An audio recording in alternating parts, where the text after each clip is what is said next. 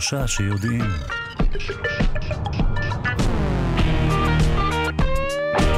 בוקר טוב, שלושה שיודעים, מה שלומכם? גם היום, אה, תוכנית נהדרת, להתחיל איתה את היום בשעה הראשונה. אה, נדבר כאן על סירה אוטונומית, על עצמות אסטרונאוטים ועל אגודלים מזויפים. העורך שלנו הוא רז חסון, המפיקה אלכס לויקר, על הביצוע הטכני אלון מקלר, אני שרון קנטור. אם אינכם יכולים להאזין לנו כעת, ראשית, התייפחו מרות. ואחר כך הזכירו לעצמכם שיש גם שידור חוזר בשעה שמונה בערב, וגם אפשר להאזין בצורה של הסכת. שום דבר רע לא יצא מזה. נתחיל מיד.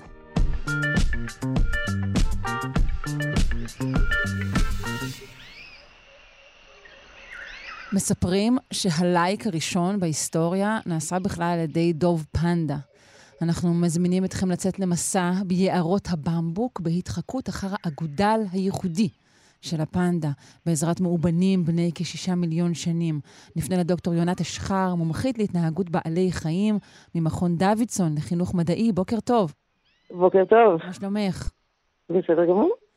Um, האגודל של הפנדה, הוא בכלל אגודל? לא. לא אגודל. יפה, לא, תודה רבה, להתראות. ויום טוב. לפנדה אין אגודל נגדי כמו שיש לנו, כי אה, היא דוב. והדובים התפתחו עם כפות ידיים שמיועדות לריצה ולתפיסה של טרף. עם אה, קרניבורים באופן כללי, או בעיקר אוכלי קול. אה, בדרך כלל, חוץ מהפנדה, שתכף נדבר על זה שהוא צמחוני. והכפות ש, שהולכים עליהם הם... אה, אגודל נגדי הוא לא, הוא לא טוב להליכה. בגלל זה גם בכפות רגליים שלנו אין באמת אגודל נגדי. כן, זה לא נוח.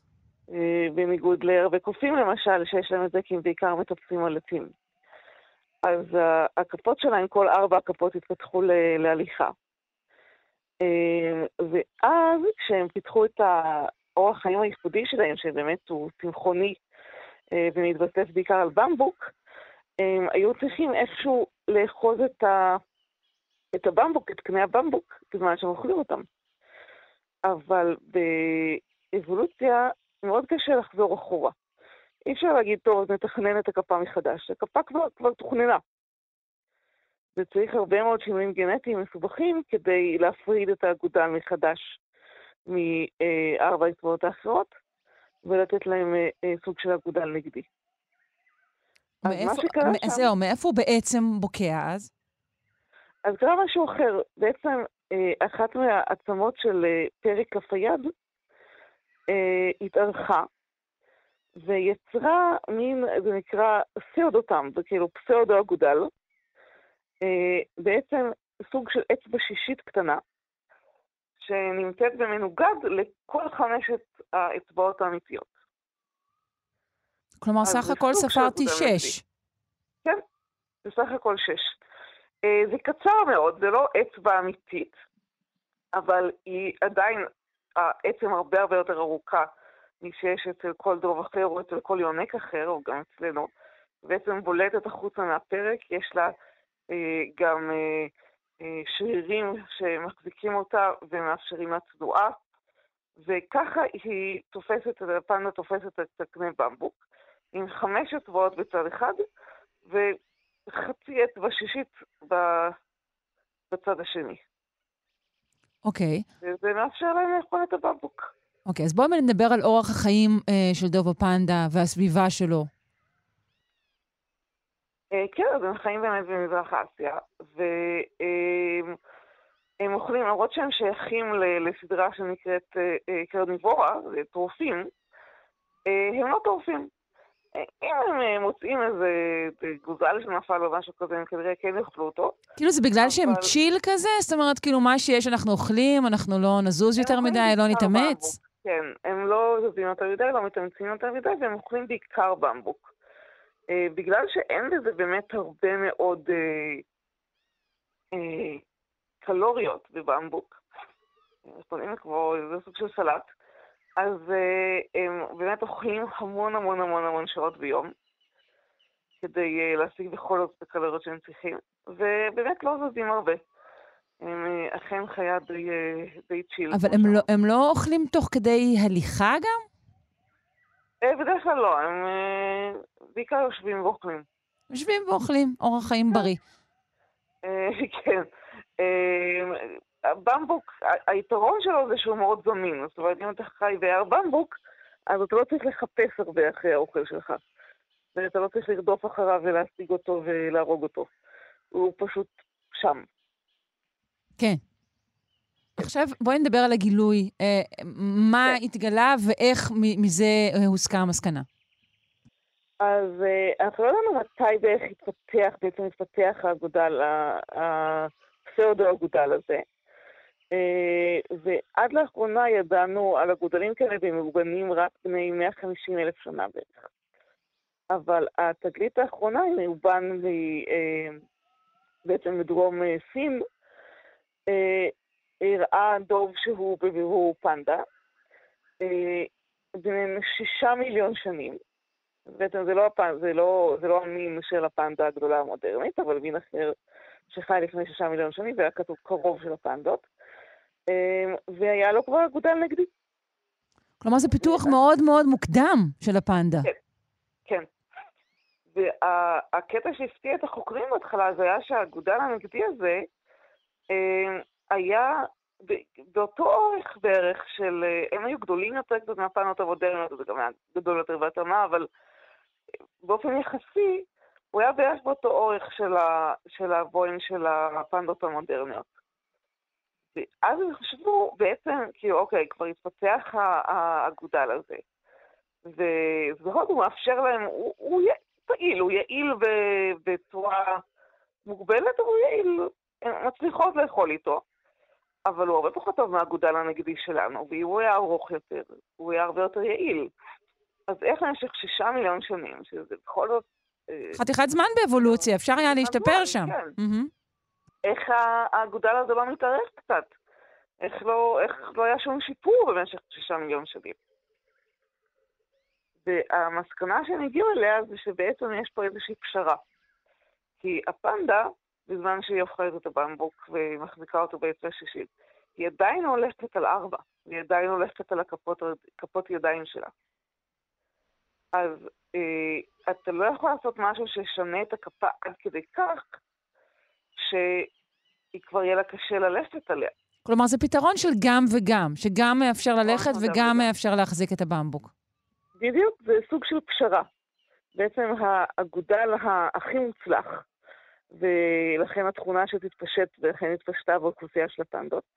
זה אגודל שהוא ארוך מספיק כדי להח, להח, להחזיק פני במבוק, אבל גם קצר מספיק כדי שהוא לא יפריע להליכה, שהוא לא יבלוט החוצה ויכאיב לה או יקשה עליה בזמן שהיא זזה. כי אומנם היא לא זזה הרבה, כמו שאמרנו, אבל עדיין צריכה לזוז מדי פעם. מדי פעם, כן, כדאי לחלץ את העצמות. אה, ידוע לנו, עוד, עוד חיות אה, מציגות מראית של חמש אצבעות? של שש אצבעות, סליחה? אמ, זה מעניין שיש אה, משהו שנקרא אה, פנדה אדומה או פנדה זנובה, שהיא בכלל לא פנדה. מה היא? של דביבון. אה. זה קרובה של דביבון. אבל אמ, בגלל שהיא בעצם אוכלת משהו ויש לה תפריט דומה, גם לה יש פחות מלפנדה הגדולה, אבל גם איזשהו סוג של, של אצבע שישית. אוקיי, ומינים שלא מזכירים פנדה, אנחנו לא מכירים דבר כזה. לא, רוב הגליל היונקים יש חמש אצבעות או פחות. כן, חמש אצבעות במקרה הטוב. אה, כן. לסיכום, לקראת פרידה, מה מצבם של הפנדות ושל יערות הבמבוק? הוא משתפר. המצב של הפנדות ספציפית אה, משתפר. אה, ייי, בשורות טובות לא לבוקר. כן. כבר לא בהגדרה של הכי הכי סכנת הכחדה, כאילו הכי קרוב להכחדה, אלא כאן מעל. אמ, וכן, גם היה אה, נושא מעניין שידוע שמאוד קשה לגרום להם להזדווג ולהעמיד צאצאים. כן, כי הם לא כל כך אוהבים לזוז, את יודעת, אה, צריך. קצת ככה לזוז בשביל להזדווג, בואי. ופיתחו כל מיני אה, דרכים, ואפילו הראו להם סרטים של פנדות מזדווגות. אה, וריססו אותם לכל מיני רובונים וכל מיני דברים כאלה. ואז בשנת 2020, אה, בכמה גני חיות, התגלה שכשאנשים לא מגיעים לגן החיות, בגלל שיש פנדמיה, הם כן מזדבקים. אה, הם פשוט אה, ביישנים. אולי זה כל העניין, כן. אוקיי, הפרענו להם. לאסוף אותם, כן, ולתת להם קצת, לעזוב אותם בשקט קצת יותר. הבנתי, איזה חמודים. מותר להגיד שהם חמודים? זה לא פוגע באיזושהי זכות, נכון? הם חמודים. מאוד חמודים. טוב. דוקטור יונת אשחר, מומחית להתנהגות בעלי חיים ממכון דוידסון לחינוך מדעי. בוקר טוב, אגודה למעלה לך. בוקר טוב. ביי.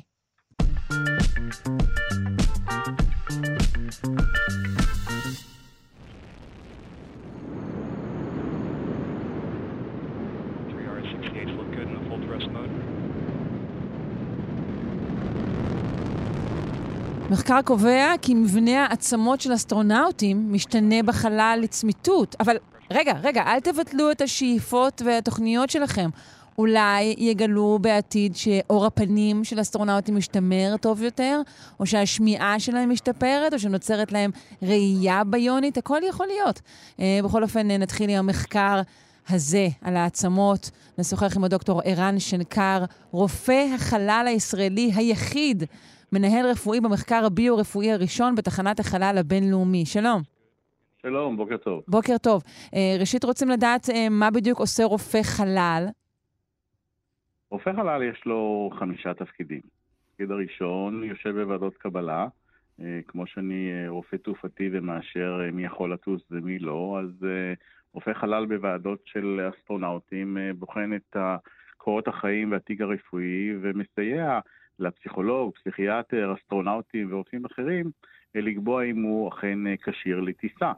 אה, אני חייב להגיד שרוב אלה ששולחים את המועמדות שלהם, הם עומדים בקריטריונים להיות טייס חלל היום. יותר מכך, יש היום מה שנקרא אסטרונאוט פרטי, שהבריאות שלו כן. יכולה להיות גם עם לחץ דם, משקפיים, ואולי אפילו לא שומע טוב. אה, אתה. אומר שדברים כאלו, אה, לחץ דם ומשקפיים, זה דברים שאתה, בתחום הלא פרטי, לא, לא היית מאשר אותם לטיסה בחלל? אה, אנחנו, אנחנו נחלק בין טייס חלל לבין אסטרונאוט. זה כמו שהאסטרונאוט הוא אדם שיצא לחלל. אסטרונאוט פרטי הוא אדם שיצא לחלל ולא בהכרח משמש כצוות אוויר. אוויר mm-hmm, אומר, כמו כן. שאנחנו נוסעים, אה, נוסעים, טסים לארצות הברית, אז אנחנו אכן לא טייסים אלא טסים, ואנחנו יכולים להיות עם מחלות כאלה ואחרות, בעוד שהיינו רוצים שמי שמטיס את המטוס אה, גם יראה וישמע. כן. אז זה, זה ההבדל בין להיות בחלל לבין להיות צוות אה, אוויר. שמתפקד mm-hmm. בתחנת חלל. אבל אתה אומר שהניגשים הם כבר מראש מגיעים נתונים מתאימים כמעט תמיד.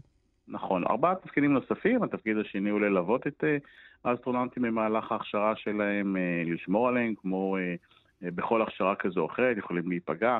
הרבה מההכשרה נמצא בבריכות, בעצם סוג של איזה תלילה, ריחוף.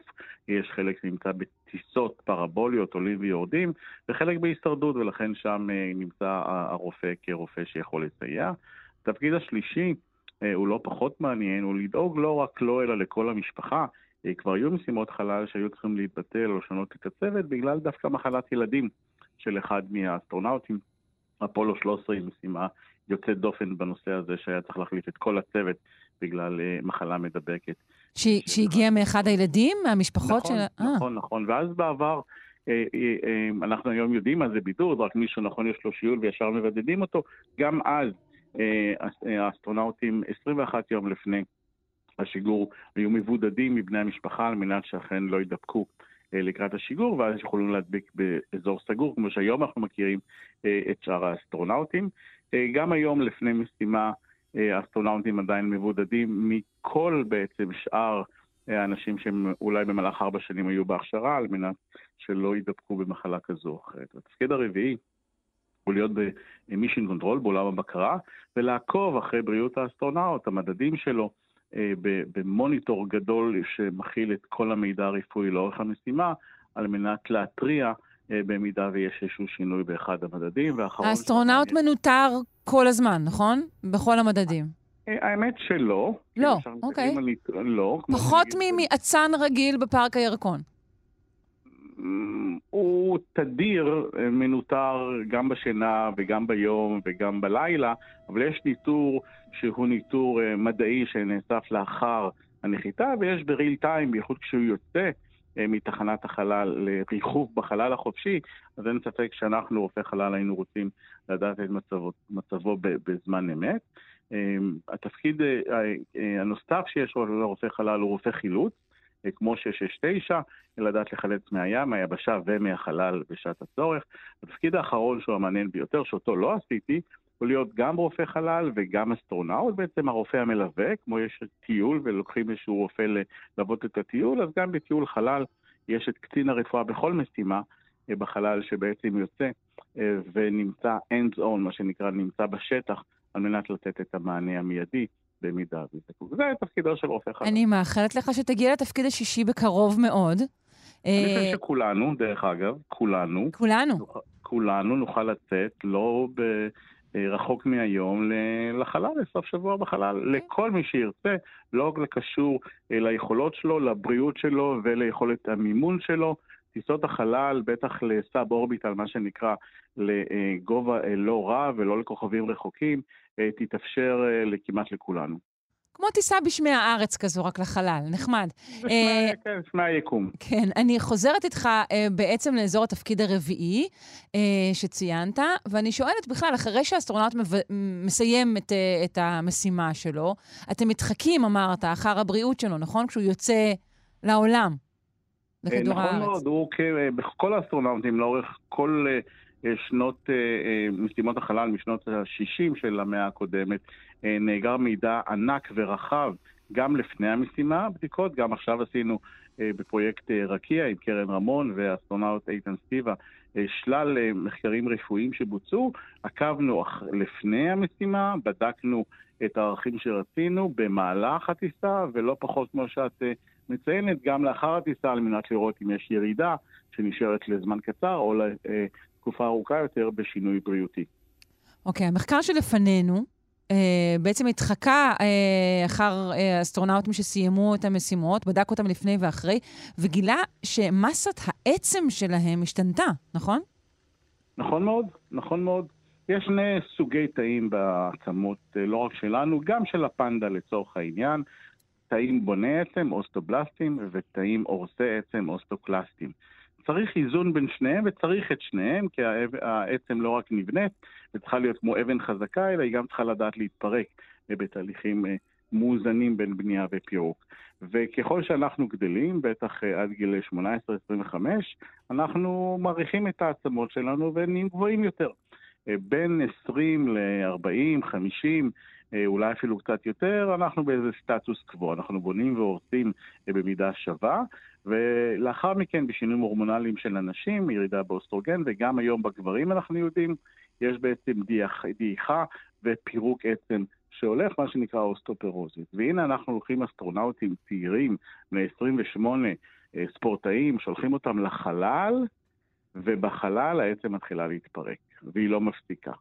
ועכשיו הם חוזרים... היא לא מפסיקה גם, גם אחרי שהם שווים? זאת אומרת, זה נזק בלתי הפיך? אז זה משפט נכון, אבל כשהם חוזרים, צפיפות העצם לא ממשיכה לדעוך, אבל להחזיר, וזה מה שהמחקר החדש הראה, שלחזור להיות רץ מרתון אחרי ששהית בחלל תקופה ארוכה ונהפכת להיות אוסטופרוזיס, זה אומר עם צפיפות עצם קטנה, יהיה קשה מאוד. על זה אומרים לא. אצלנו לא. במשפחה, אי אפשר הכל. אה, אבל מה בעצם גורם אה, לאובדן צפיפות העצם בחלל? אז האמת שישראל uh, חלוצה גם בתחום הזה.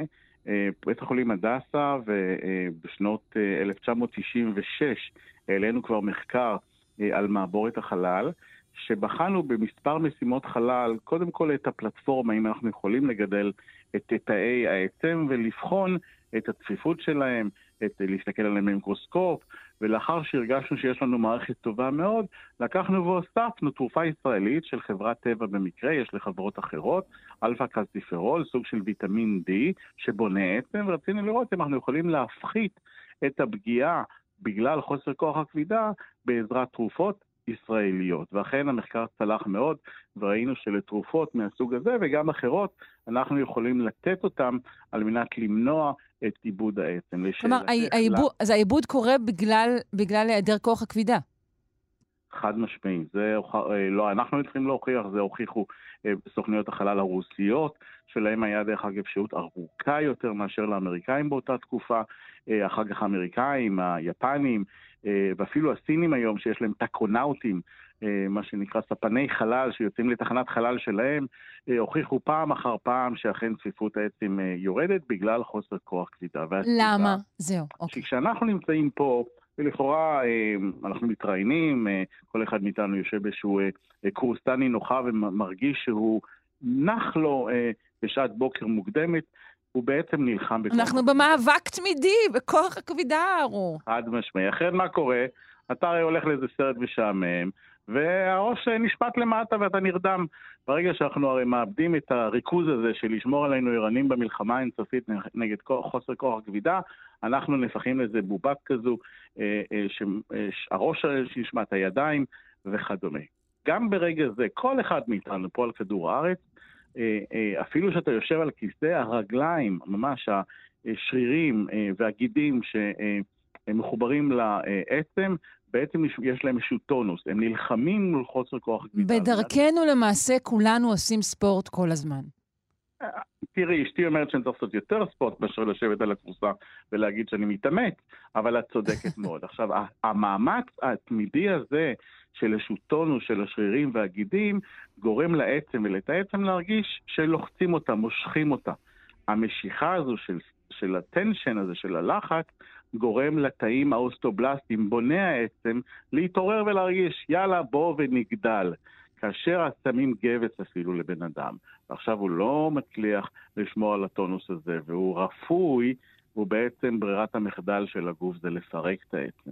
אז כשאין כוח כבידה, אין איזה drive ומוטיבציה לתאי האוסטובלסטים לפעול ולבנות עצם, ולכן הגוף כברירת מחדל מפרק עצם, שזה מה שקורה בחלל.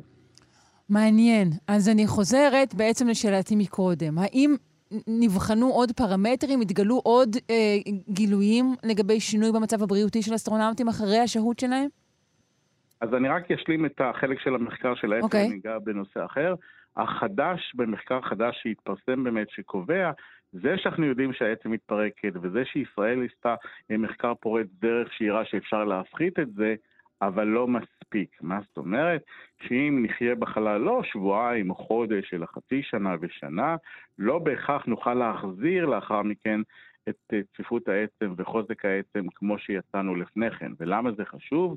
כעת האמריקאים אה, חותרים לנחות על הירח, אה, להשאיר צוותים לאורך זמן, וזה רק נקודת נחיתה על מנת להגיע למאדים בהמשך. מושבות במאדים עם חוסר כוח כבידה יחסי, צפויות לאבד עצם לאורך זמן, והשאלה אם זה בעצם משהו שניתן להימנע.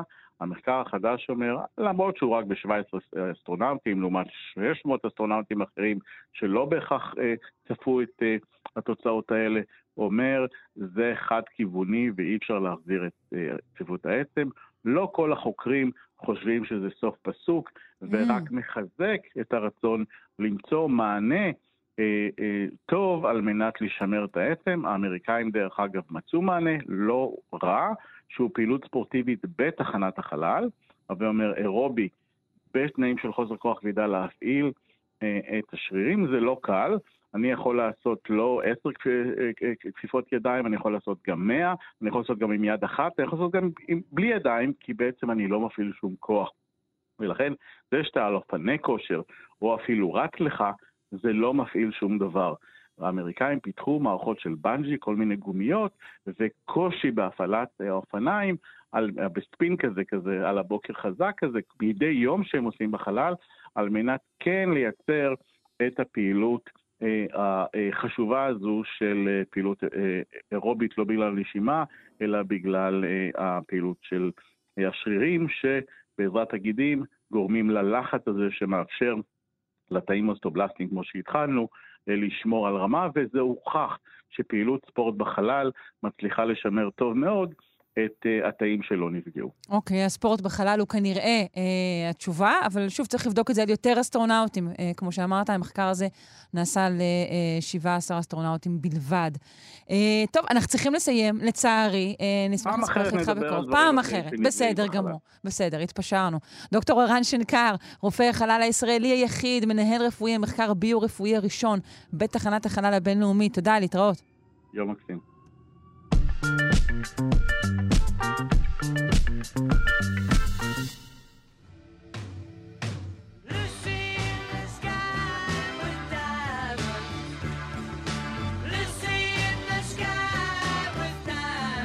לא בשמיים ולא עם יהלומים, אלא בקרקע ממש.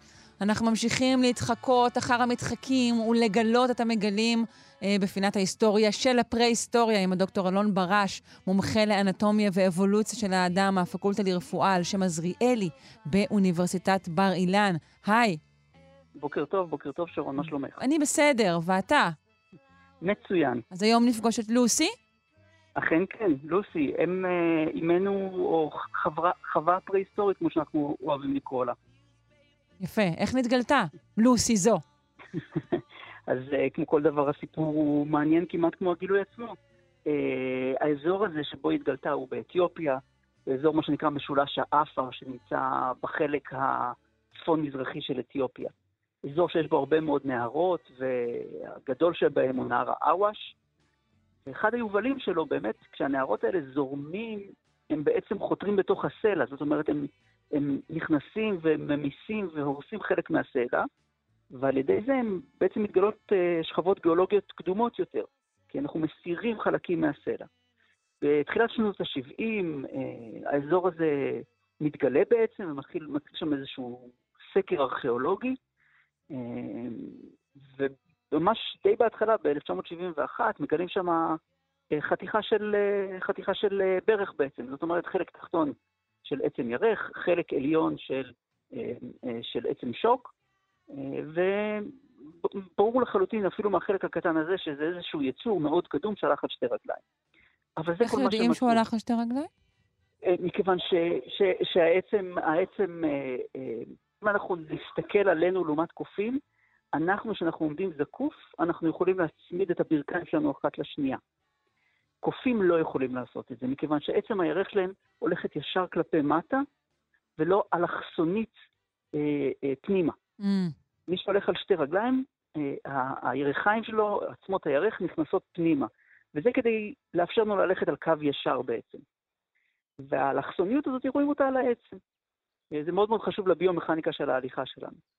אה, אז אותו פרט מתגלה ב-71, וזה באמת מוביל להרבה מאוד ניסיון והרבה מאוד מאמץ לחקור. וב-1974 הם מגיעים שוב לאותו אזור, הפעם אנחנו מדברים על שלושה אנשים, אה, שני צרפתים, מוריס טאוב ואיב קופן, ודונלד ג'והנסון, אה, אמריקאי.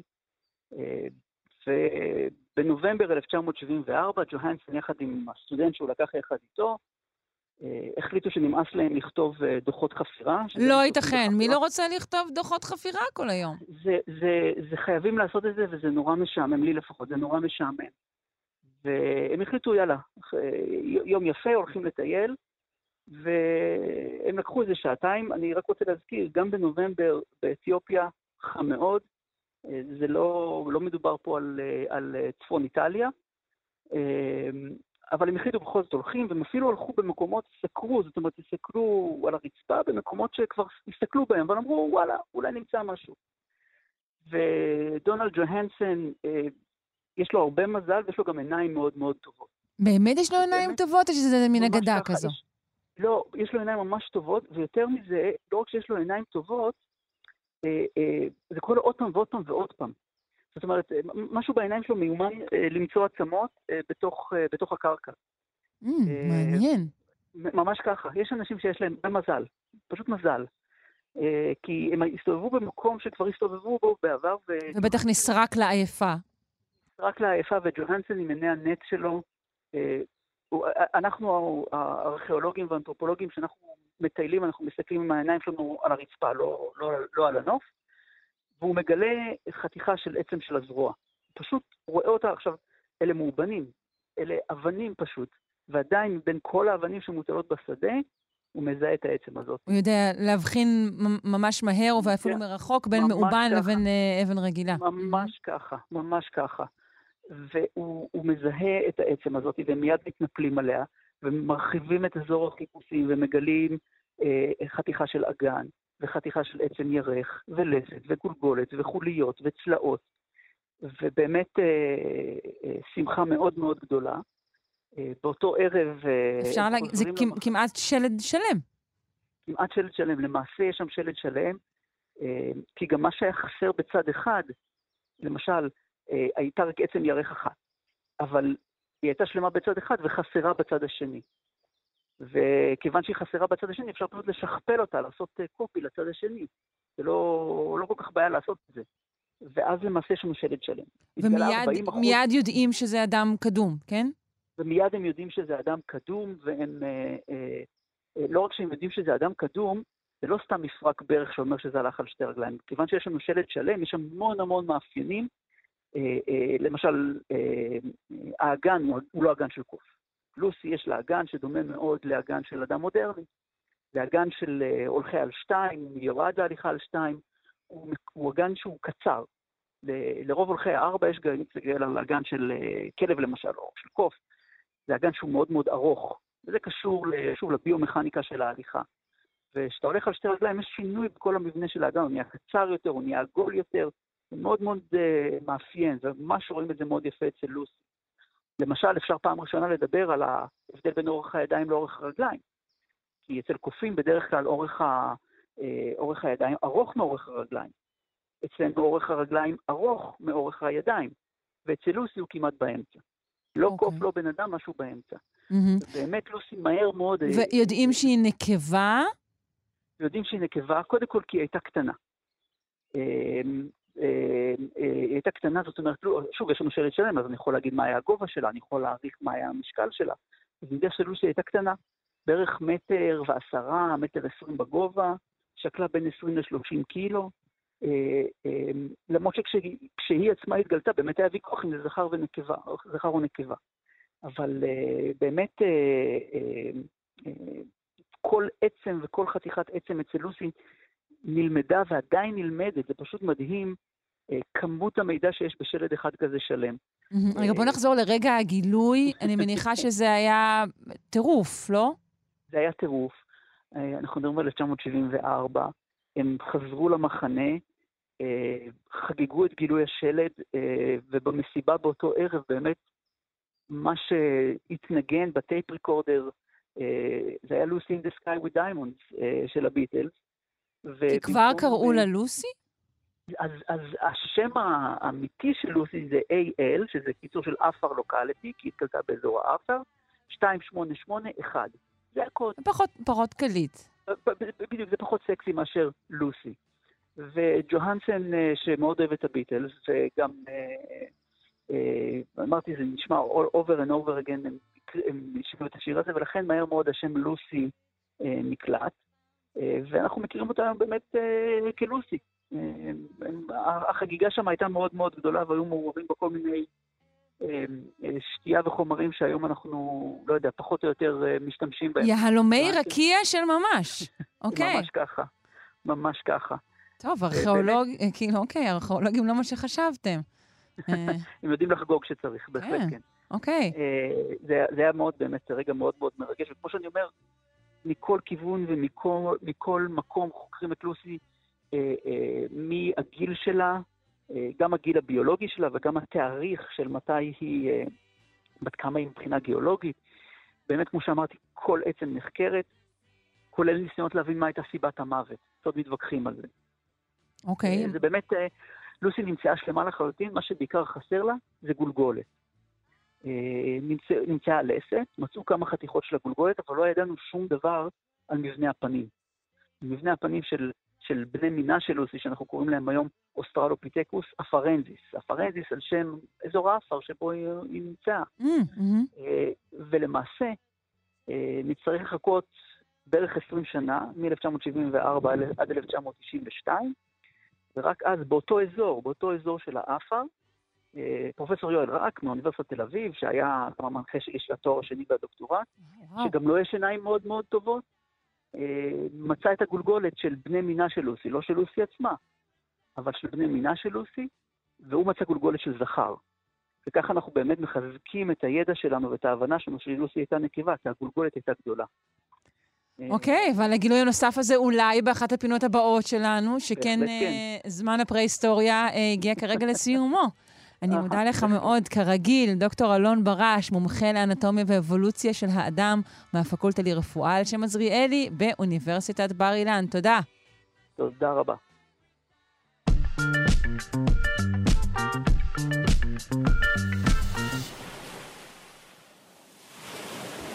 בשבוע שעבר התקבצו באופן מסתורי מספר כלי רכב אוטונומיים באמצע סן פרנסיסקו וחסמו את הצומת לשעות ארוכות.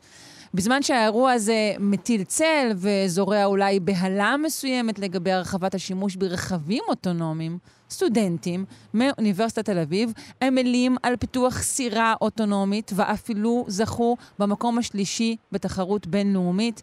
אה, נפנה לשניים מהם, נועם בלוטנר וניצן לידן, ראשי אה, הצוות סייל איי-אל, סטודנטים בבתי הספר להנדסת חשמל באוניברסיטת תל אביב. שלום. היי, שלום, בוקר טוב. שלום, בוקר טוב נועם, בוקר טוב ניצן. אה, מזל טוב, קודם כל. תודה, תודה אה, רבה. תודה רבה. אה, ניצן, ספרי על התחרות הזו, על איזו תחרות מדובר.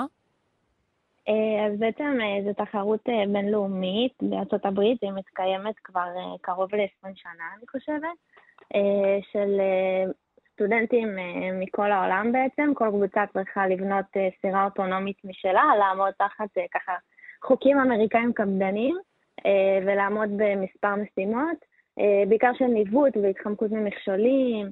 אה, אילו משימות בדיוק היו? שוב, התחרות נקראת רובובוט, נכון? שזה שם מצוין. נכון. אוקיי. אז אילו משימות בדיוק היו לכם? אז היה בעצם צריך לנווט בין מצופים, היה מצופים גדולים ומסלול מכשולים של מצופים קטנים, שדורש לעבור בין, אה, בין שערים בלי לפגוע בשום דבר. אה, היה משימה של אה, תותח מים שצריך לירות לתוך מיכל ולהציף כדור.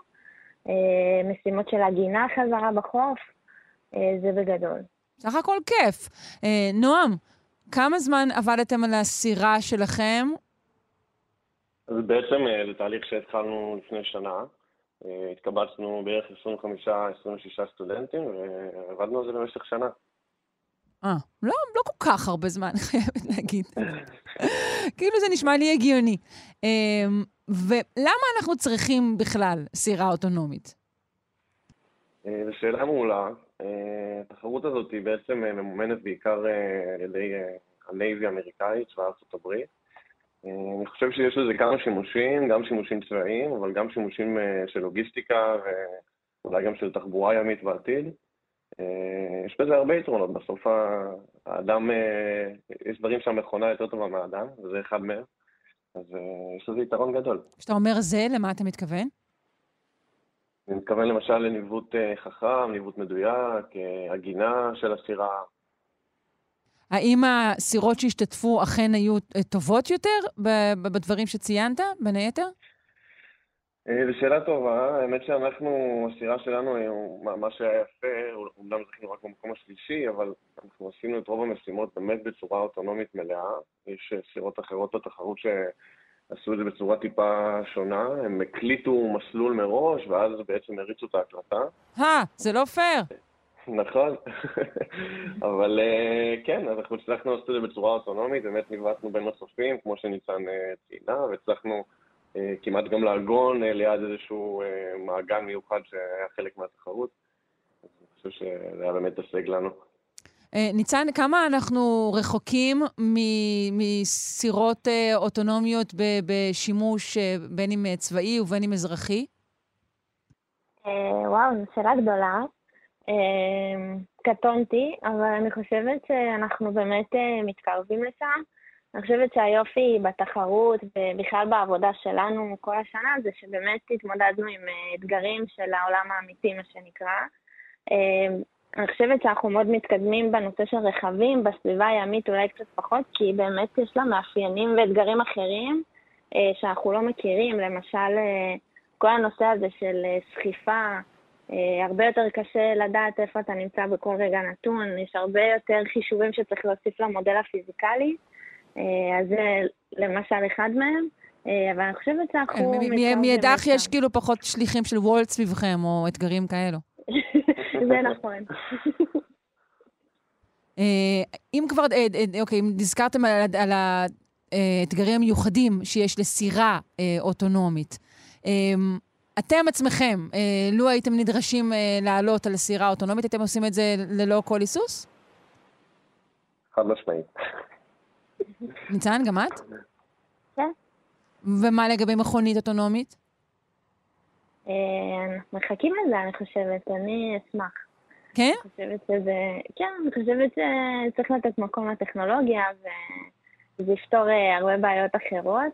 אה, אני חושבת שאנחנו בדרך לשם, וזה עולם שמעניין אה, וכיף לראות אותו מתפתח. כן. Uh, עד כמה ידוע לכם, uh, נועם, בתחום המכונית האוטונומית יש הרבה מאוד שאלות שעולות, שהן גם, uh, גם מוסריות וגם ביטוחיות. האם שאלות מהסוג הזה עולות uh, גם בתחום של פיתוח סירה אוטונומית? האמת שאנחנו לא התעסקנו עם זה, אני בטוח שהן עולות. אה, אנחנו בעיקר התעסקנו עם האתגרים הטכנולוגיים שהיו לנו, פחות עם ה... בעצם עם ה... האם זה... עם בעיות של החלטה בזמן אמת, את מדברת בטח על החלטה בזמן אמת, כן, בדיוק. מגיבים. אז אה, פחות התעסקנו בזה, אבל אני בטוח שהם, בעיקר שהולכים לזה בתחום האזרחי, אני בטוח שגם השאלות האלה עולות. טוב, נמתין לאוניית שודדי הים האוטונומית. דבר שיכול לקרות, מי יודע. אה, ונאחל לכם שוב אה, מזל טוב. נזכיר, סטודנטים אה, ישראלים זכו במקום השלישי בתחרות הבינלאומית היוקרתית, רובו בוט. תמשיכו בתחום? ניצן? כן, מי יודע, אני חושבת שבסוף זה תחום שכמעט כל טכנולוגיה היום יש לה נגיעה. גם נועם וגם אני, שנינו עובדים כרגע בתחום הצ'יפים, אה, וגם אני בטוחה שזה יגיע, וגם לזה יש נגיעה. אה, לא רחוק היום. היי לא הצ'יפ. אה, כן. נועם בלוטנר וניצן נידן, ראשי הצוות של סייל איי-אל, סטודנטים בבתי הספר להנדסת חשמל באוניברסיטת תל אביב. כל הכבוד, תודה רבה. תודה רבה, שרון. תודה רבה. יום טוב.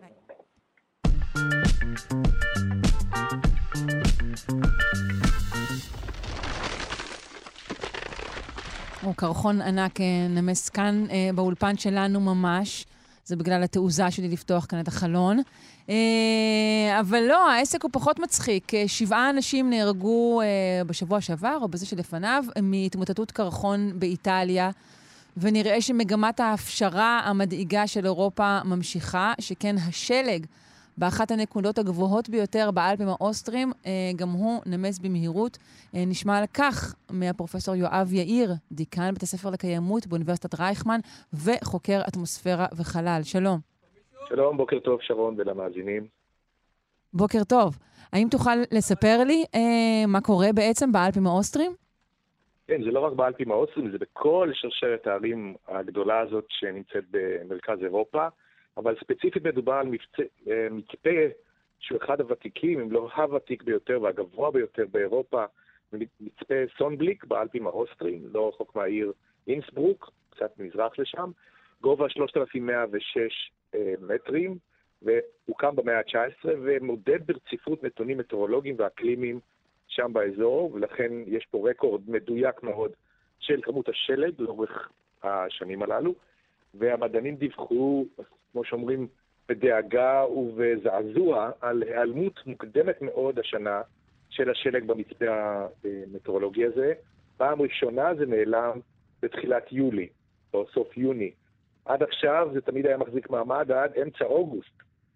ואפילו בשנים החמות ביותר באירופה, שהרקורד הוא 1963 ו-2003, עד ה-13 באוגוסט עוד היו עשרה סנטימטרים של שלג במקום הזה, ובשבוע שעבר הם דיווחו שהשלג נעלם, לראשונה on record. אוקיי, okay, אבל אנשים אומרים, אתה אומר שהמדידה היא מ-63, זה לא פריזמה היסטורית מאוד מאוד מרשימה, או שאני טועה. לא, לא, את טועה, כן, זו פריזמה מאוד מאוד מרשימה מהבחינה הזאת שפעם ראשונה כל כך מוקדם. אה, צריך לזכור, האלפים האוסטרים, כחלק מהשרשרת הזאת, הם אה, סוג של מראה שכמעט כל הקיץ מכוסה בלבן. והתצפית הזאת מצטרפת למחקרים אחרים שמראה שכל האלפים, גם בשוויץ, גם בצפון איטליה, אוסטריה, אה, הופכים לירוקים ולא לבנים. הקרח מפשיר מוקדם, אה, קרחונים שהיו יציבים כמעט לאורך כל השנה מתחילים להיסדק ולהישבר, כמו שראינו בהר הזה בדולומיטים בצפון איטליה בשבוע שעבר, כמו שאמרת, והצבע הלבן מתחלף בצבע ירוק, כי הצמחייה ממשיכה לטפס לגבהים יותר גבוהים, שפעם היו צחיחים מצמחייה, ועכשיו הם יותר חמימים וקצת יותר גשומים. אז אנחנו רואים בהדרגה שהאלפים הופכים להיות ממראה לבנה שמחזירה קרינת שמש לעדשה ירוקה שבולעת קרינת שמש, וזה תהליך מאוד מסוכן, משום ששינויי האלבדו בכאלה סקלות גיאוגרפיות אה, רק מאיצים את תהליך ההפשרה שאנחנו רואים, וכמובן את שינוי האקלים במרכז אירופה. רגע, רגע, אני רוצה להבין. אה, התופעות של תהליך ההפשרה, כלומר הירוק אה, של הפסגות, הוא עצמו גם תורם עוד לתהליך ההפשרה, אם הבנתי נכון? כן, הבנת נכון בדיוק, כי צמחים ירוקים וקרקע כהה בולעת יותר טוב קרינת שמש והופכת אותה לקרינת תת-אדומה שמחממת את האטמוספירה, וזו בתורה גורמת להפשרה נוספת. כלומר, יש פה מנגנון אה, חיובי, בפיזיקה קוראים לזה The Ice Albedo Feedback, שאת מחליפה משטח של קרח בהיר ולבן עם אלבדו של 0.8, 0.9, כלומר 80 90 אחוז מקרינת השמש מוחזרת ישירות לחלל. מחליפה את זה במשטח כהה של צמחים, דשא, יערות, עצים מחתניים, שהאלבדו הוא 0.2, 0.3, כלומר רק 20 אחוז חוזר, אז הפער הוא די ברור, את בולעת הרבה יותר קרינת שמש, ולכן אה, יש כאן תהליך שמאיץ את עצמו אה, לדעת, ולא שהקרח בערי האלפים ייעלם ואתרי הסקי ייסגרו לעד, אני מרגיע את המאזינים, זה לא כן, הם כולם מודאגים בעיקר מזה, מה יהיה עם חופשות הסקי שלהם? שאר הדברים הם ממש רחוקים מהם. לא, אז האמת היא שזה נכון, כי בעונות האחרונות רואים שנקודות ההתחלה של מסלולי הסקי הולכות ומגביהות וצריך לשנות את התשתיות. מה שפעם היה לבן הופך להיות משטח סלעי אה, מרופט ולא נוח לגלישה, ובחלק מהאתרים כבר הביאו אפילו מכונות שלג מלאכותי כדי ליצור את המדרונות האהובים כל כך על הגולשים. אה, התחזית היא שמרבית קרחוני היבשה בערי האלפים, מרכז אירופה, עתידים להיעלם for good ב-20 עד 30 שנה הקרובות, אלא אם כן יהיה פה איזה מהפך אה, באופן שבו אנחנו מנהלים את המאבק בשינוי האקלים. כן, שאלת השאלות. יש משהו שכרגע, בנקודת הזמן הזו, נוכל לעשות כדי שיהיה מהפך? אני לא חושב שכרגע אפשר לעשות מהפך, כלומר להביא להתקררות, אבל אפשר לעצור או להאט מאוד את ההתחממות, ויש הרבה מאוד פתרונות, לא נעלה את המאזינים כרגע בבוקר, אבל ידוע מה צריך לעשות, האינסנטיב הכלכלי קיים, האינסנטיב הגיאוגרפי, הקליני קיים גם כן. לא, אני חושבת, אני אגיד לך שלא, שלא לא יודעים, שהרבה אנשים רק, אתה יודע, כל הזמן בוחשים ואומרים, אוי, משבר האקלים, וכן, ומכונית חשמלית ו, וכאלה דברים, אבל אני לא, לא חושבת שאנשים יודעים. שרון, זה חלק מהפתרון. חשמול, מעבר לאנרגיות מתחדשות, הפסקת פליטת גזי חממה לאטמוספירה, בהקדם האפשרי, צמצום ככל הניתן של השימוש בדלקים מאובנים, זה מה שיקטין ויעצור את העלייה בריכוז גזי החממה באטמוספירה, שבסופו של דבר היא זו שגורמת להתחממות שאנחנו רואים ולהפשרה הזאת באלפים האוסטרים ובכלל. תתאר לי מה צריך לקרות באמת בחיים של אנשים ברמה היומיומית, נגיד בשנה-שנתיים הקרובות, אה, אם יוחלט, אם מנהיגי העולם יעשו את המעשה ויחליטו על צמצום רציני בשימוש בדלקי מאובנים. מה יקרה לאנשים, לנופשים, לחיי היום-יום? אה, יקרו הרבה מאוד דברים. בין היתר, אנחנו נפסיק לנסוע כל כך הרבה במכוניות לבד על הכביש, אלא בפתרון הפשוט והאלמנטרי של carpooling כדי להוריד מיליון מכוניות מהכביש. אני שמעתי את שרת התחבורה בכנס האגודה לאקולוגיה ומדעי הסביבה שהיה בשבוע שעבר בתל אביב, וזה יעד שהוא נגיש ואפשר להשיג אותו. תורידי מיליון מכוניות מהכביש בישראל, או מיליארד מכוניות בכבישי העולם, את צורכת הרבה פחות אה, דלק, פולטת הרבה פחות CO2 וכו' וכו'. אני יודע שיש עכשיו משבר אנרגיה עולמי, ברור, אני לא נאיבי או, אתה יודע, כזה שלא קורא את המציאות. ברור שיש משבר אנרגיה, אבל זה יהיה משהו שמאט אותנו, אבל לא עוצר אותנו. גם פסיקת בית המשפט העליון הברית מפריעה לתהליך, קוצר ראות נוראי. אה, יש הרבה שדולות שמנסות לעצור את התהליך הזה, אבל לדעתי אין ברירה וחייבים לעשות את המעבר הזה וכמה שיותר מהר. כדי להאט, כמו שאמרתי, אני לא חושב שאפשר יהיה לעשות קירור או להפוך מחדש את, ה, את המגמה שאנחנו צופים בה, אבל אפשר להאט אותה קצת.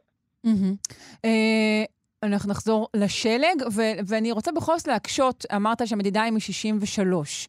האם אנחנו יודעים על, על, על התוואי ממאות שנים קודם לכן? כמה שלג אה, היה או לא היה? כן, אפשר, אפשר לזהות באמצעים, מה שאנחנו קוראים להם פלאו-אקלימים, זה שחזור האקלים הקדום ולראות איפה עבר קו השלג, ולשחזר על סמך ממצאים גיאוגרפיים, מאובנים של טבעות עצים. יש המון שיטות לדעת איפה היה השלג בכל שנה. אנחנו בעידן הלוויינים, אז אנחנו יכולים לצלם ברציפות, ואנחנו רואים בדיוק של מילימטרים את עובי השלג, את מידת הכיסוי שלו, ואין ספק שגם 60 שנה של רקורד שמראות אה, התכווצות משמעותית של הקרח בכל שרשרת הריאלבים, לא רק במאונט סונבליק באוסטריה, אלא גם, אגב, שרון לאותו עניין, בגרינלנד ובאיסלנד ובאנטרקטיקה ובקנדה. זאת אומרת, זה לא נקודה אה, מקרית במקום ספציפי. כן, בוודאי. זאת מגמה גלובלית של היעלמות הקרח, גם ביבשה, גם בים. אנחנו יודעים לגבי האלפים לעולם... בעצם ממתי הם מושלגים? האלפים מושלגים מאז שיש אלפים, כן? זה, אני מדבר על אה, מיליוני שנים.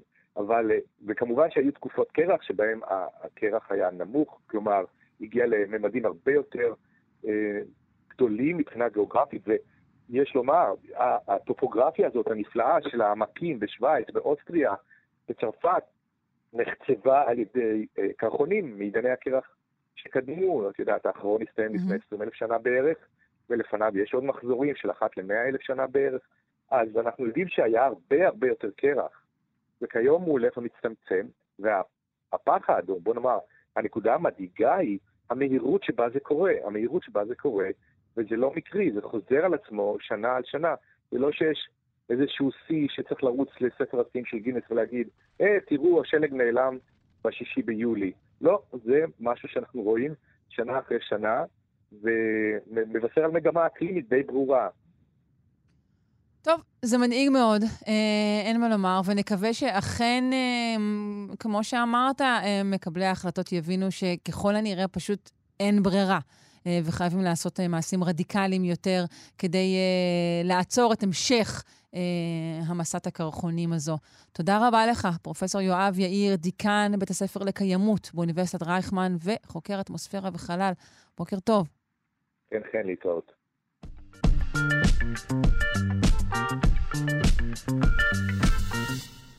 אוי ואבוי, אלו היו שתי מילים שהשמעתי כשקראתי את דוח מצב הטבע בישראל שהתפרסם אה, בחמישי האחרון.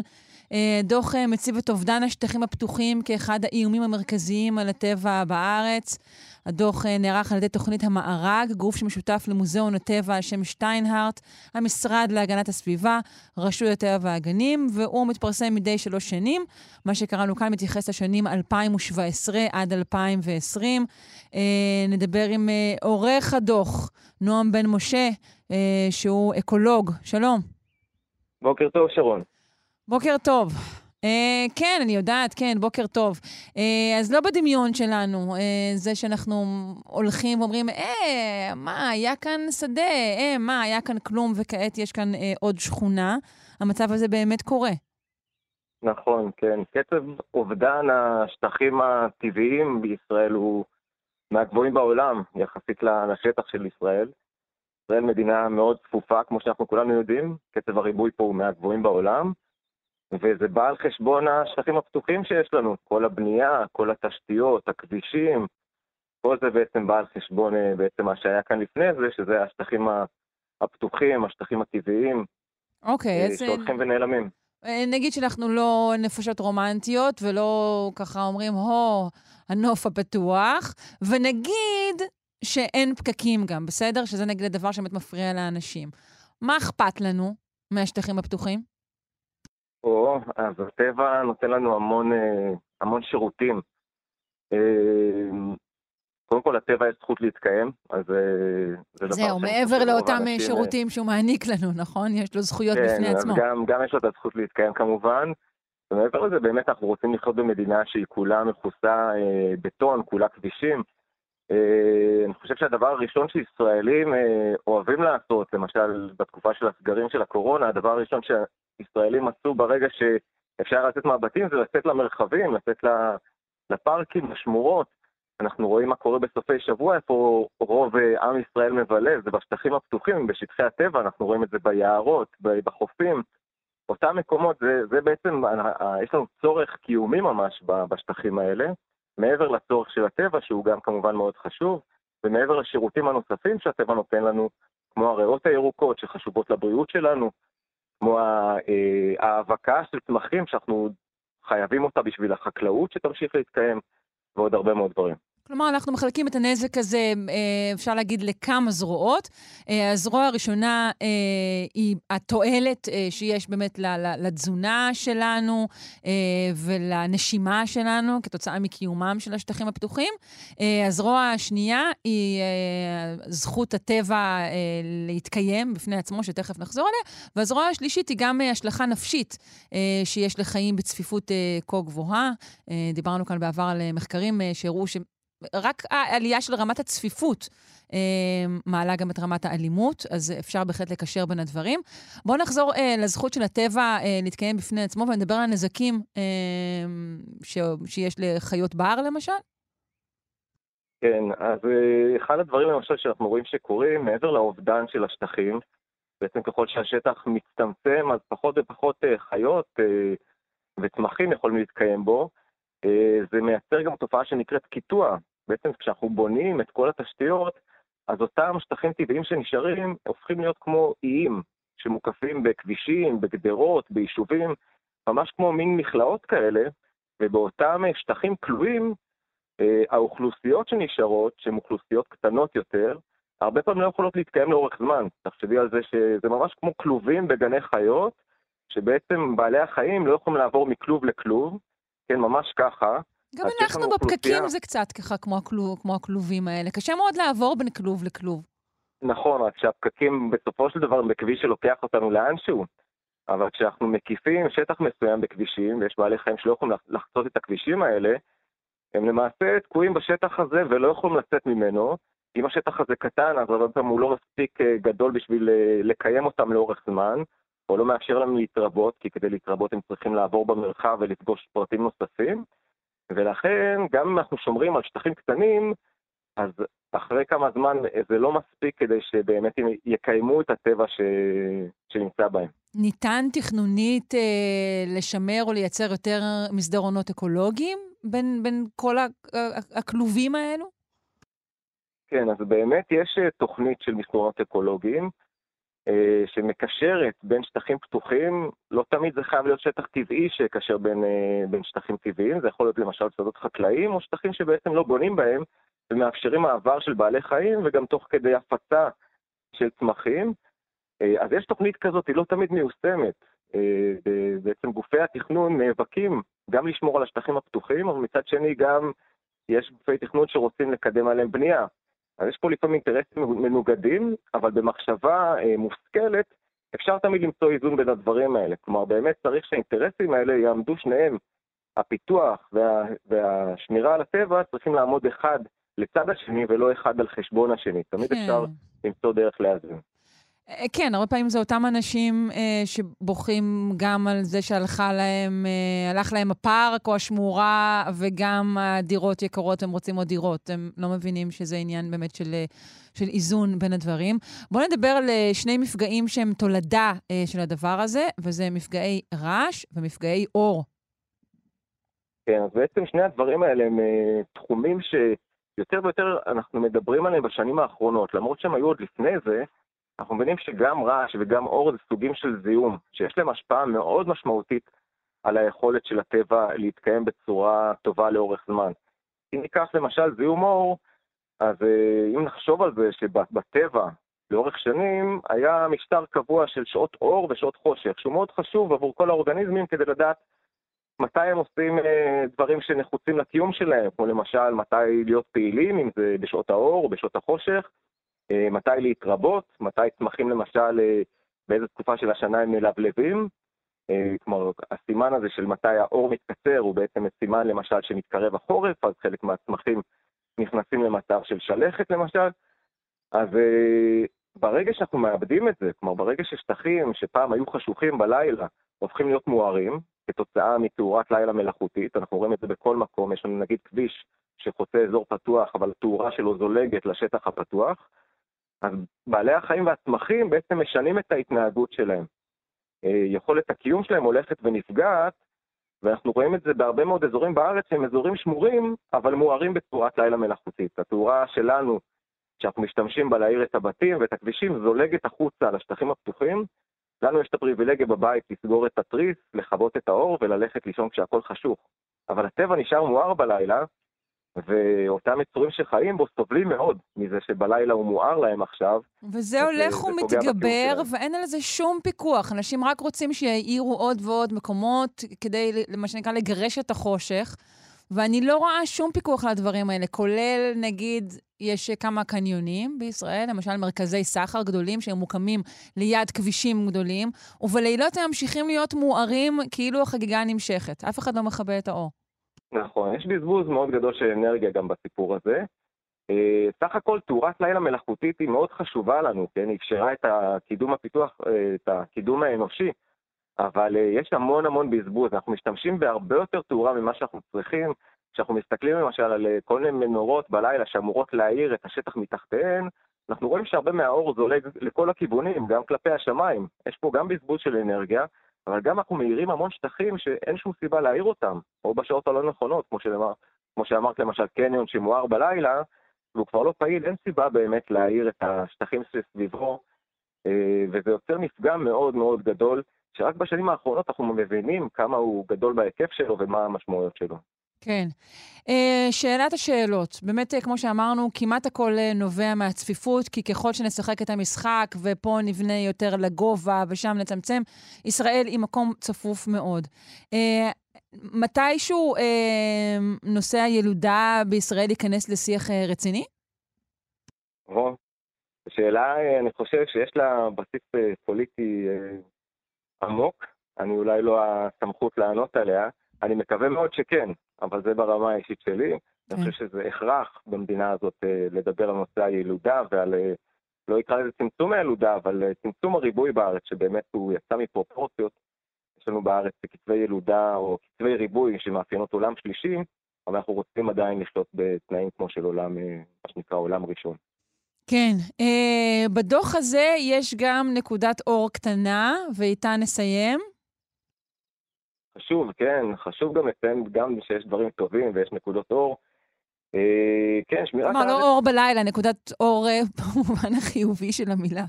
כן, לגמרי. לא, לא נקודת זיהום אור בדוח, כן. נכון, אז אה, בארץ באופן יחסי יש שמירת טבע טובה. כלומר, בארץ, אם אנחנו מסתכלים במרחב שלנו, אז ממרוקו במערב עד הודו במזרח, אין כמעט מדינה שיש בה חוקים, כל כך הרבה חוקים לשמירת טבע, היקף של שמורות טבע כמו בישראל, אנחנו רואים את זה, כשאנחנו מסתובבים בטבע, אנחנו בארץ רואים הרבה בעלי חיים, אתם הולכים לשמורת עין גדי למשל, אתם רואים ישר יעלים, אנחנו מסתובבים בין השדות, רואים צבעים, זה לא דבר שאנחנו רואים במדינות סביבנו. אה, והיקף השמורות אה, וגם השטחים האחרים שמוגנים הולך ועולה לאורך השנים, יותר ויותר שמורות מוכרזות אה, ושטחים נוספים, נציין שרק בשנים האחרונות, ממש בארבע שנים האחרונות, שטחים מאוד גדולים בים, פעם ראשונה הוכרזו כשמורות ימיות, ובעצם מגנים על הטבע שבהם פעם ראשונה. אז יש גם מגמות חיוביות, שגם הן, אנחנו רואים את התוצאות שלהן, אנחנו רואים יותר ויותר טבע שמור ביותר אזורים בארץ, שזה גם דבר חשוב. טוב, נסיים uh, במילים uh, מתוקות uh, אלו, uh, אבל באמת uh, אין uh, כמעט uh, נושא חשוב יותר uh, בתכנון הישראלי uh, מאשר העניין הזה, כי תכף באמת יהיה פה מאוד מאוד מאוד קשה. אה, נועם בן משה, אקולוג ועורך דוח מצב הטבע של ישראל אה, מהגוף הנקרא המארג, שהוא גוף שמשותף למוזיאון הטבע על שם שטיינהארט, המשרד להגנת הסביבה ורשות הטבע והגנים, נכון? נכון מאוד, תודה רבה. תודה רבה לך, להתראות.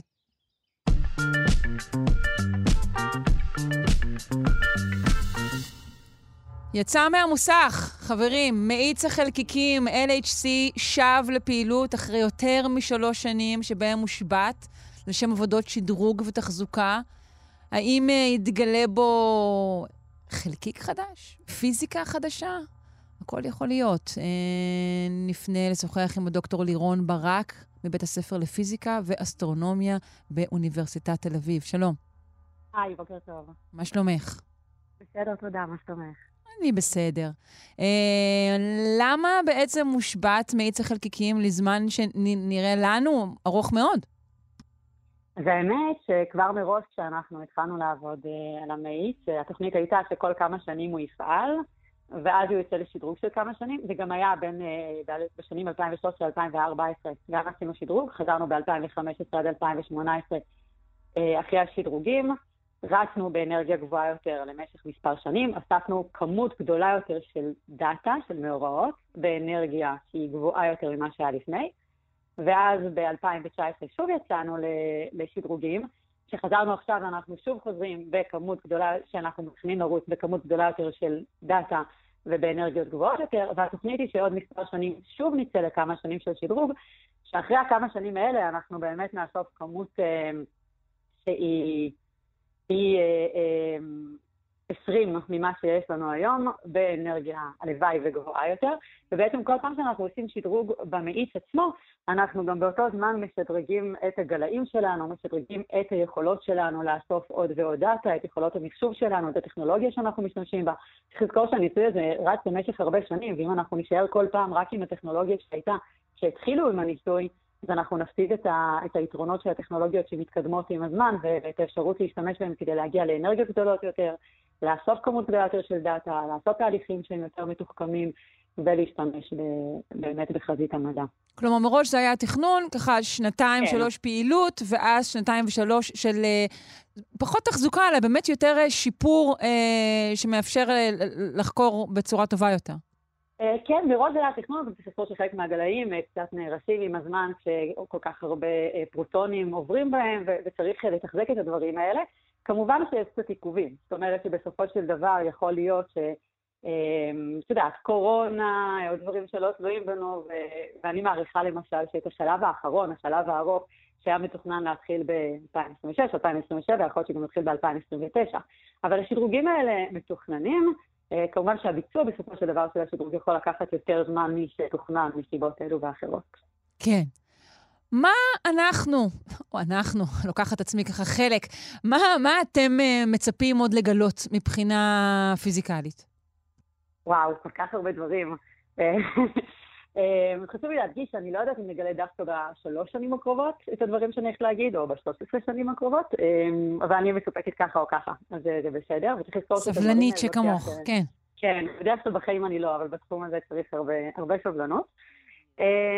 אז אנחנו הולכים לשני כיוונים שהם מאוד חשובים. אחד זה כמובן, כמו שאמרת, לגלות פיזיקה חדשה, לגלות חלקיקים חדשים, והדברים האלה לוקחים זמן. חלקם אה, צריך בשבילם אנרגיות גבוהות יותר, וגם דברים שכביכול יכלנו לגלות כבר בריצה הקודמת, שהייתה מ-2015 עד 2018, לפעמים צריך פשוט יותר דאטה. כי אם אנחנו מחפשים משהו מאוד נדיר, אז צריך שיהיו לנו המון המון מאורעות, כדי שנוכל אה, לזכות ולראות את הדברים הנדירים האלה. רגע, אבל כרגע יש איזשהו חסר בתיאוריה, נגיד, לפני שהתגלה אה, אה, אה, אותו חלקיק אלוהי, בוזון היגס, אז בעצם כאילו אמרו, חסר משהו, אנחנו מחפשים משהו. עכשיו אנחנו במצב כן. כזה?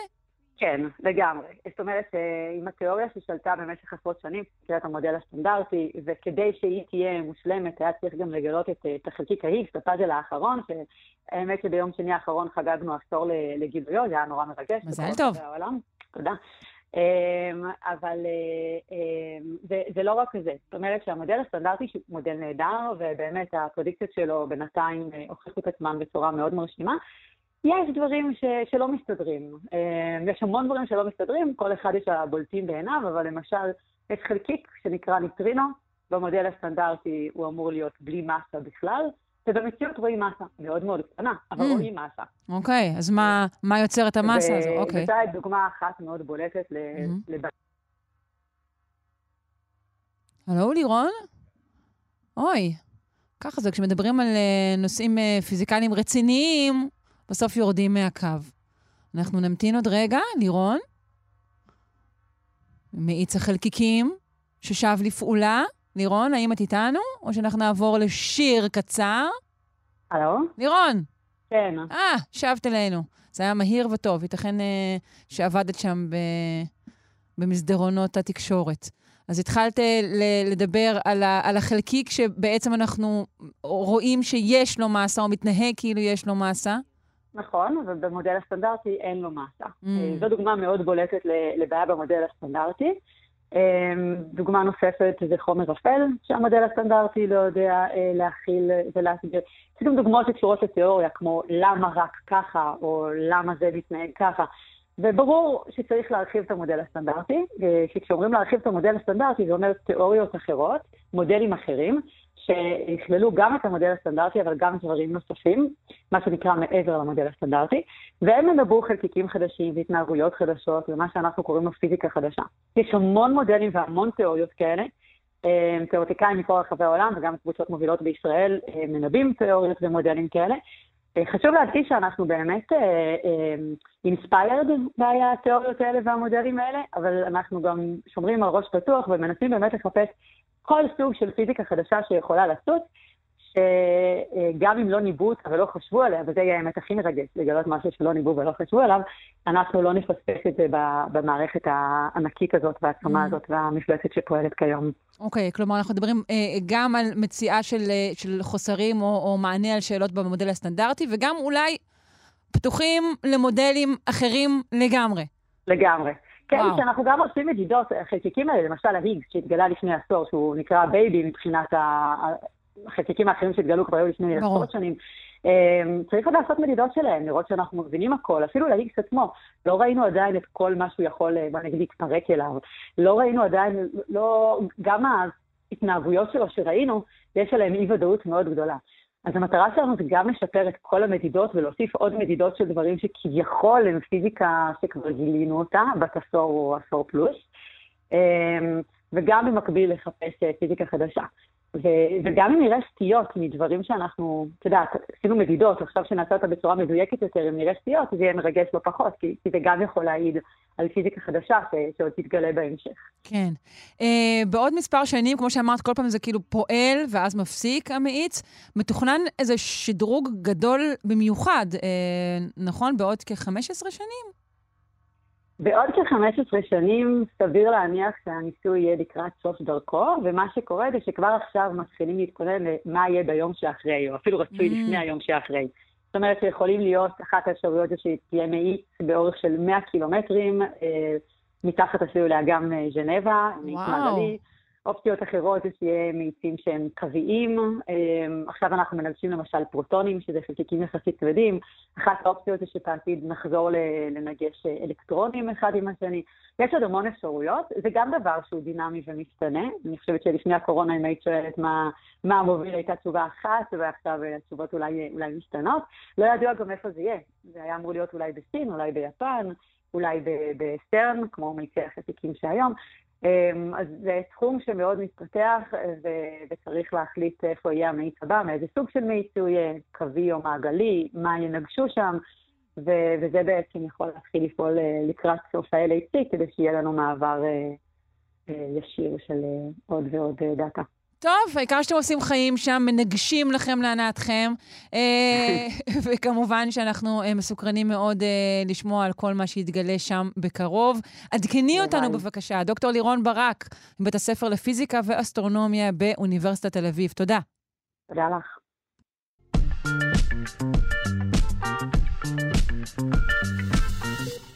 לא בכדי, לא בכדי האזנו למשמרת לילה של בנזין, אה, שכן אנחנו רוצים לעמוד אה, כרגע על ההבדל אה, בין המדיניות הרפואית והתרופתית של רופאים במהלך משמרות לילה למשמרות היום.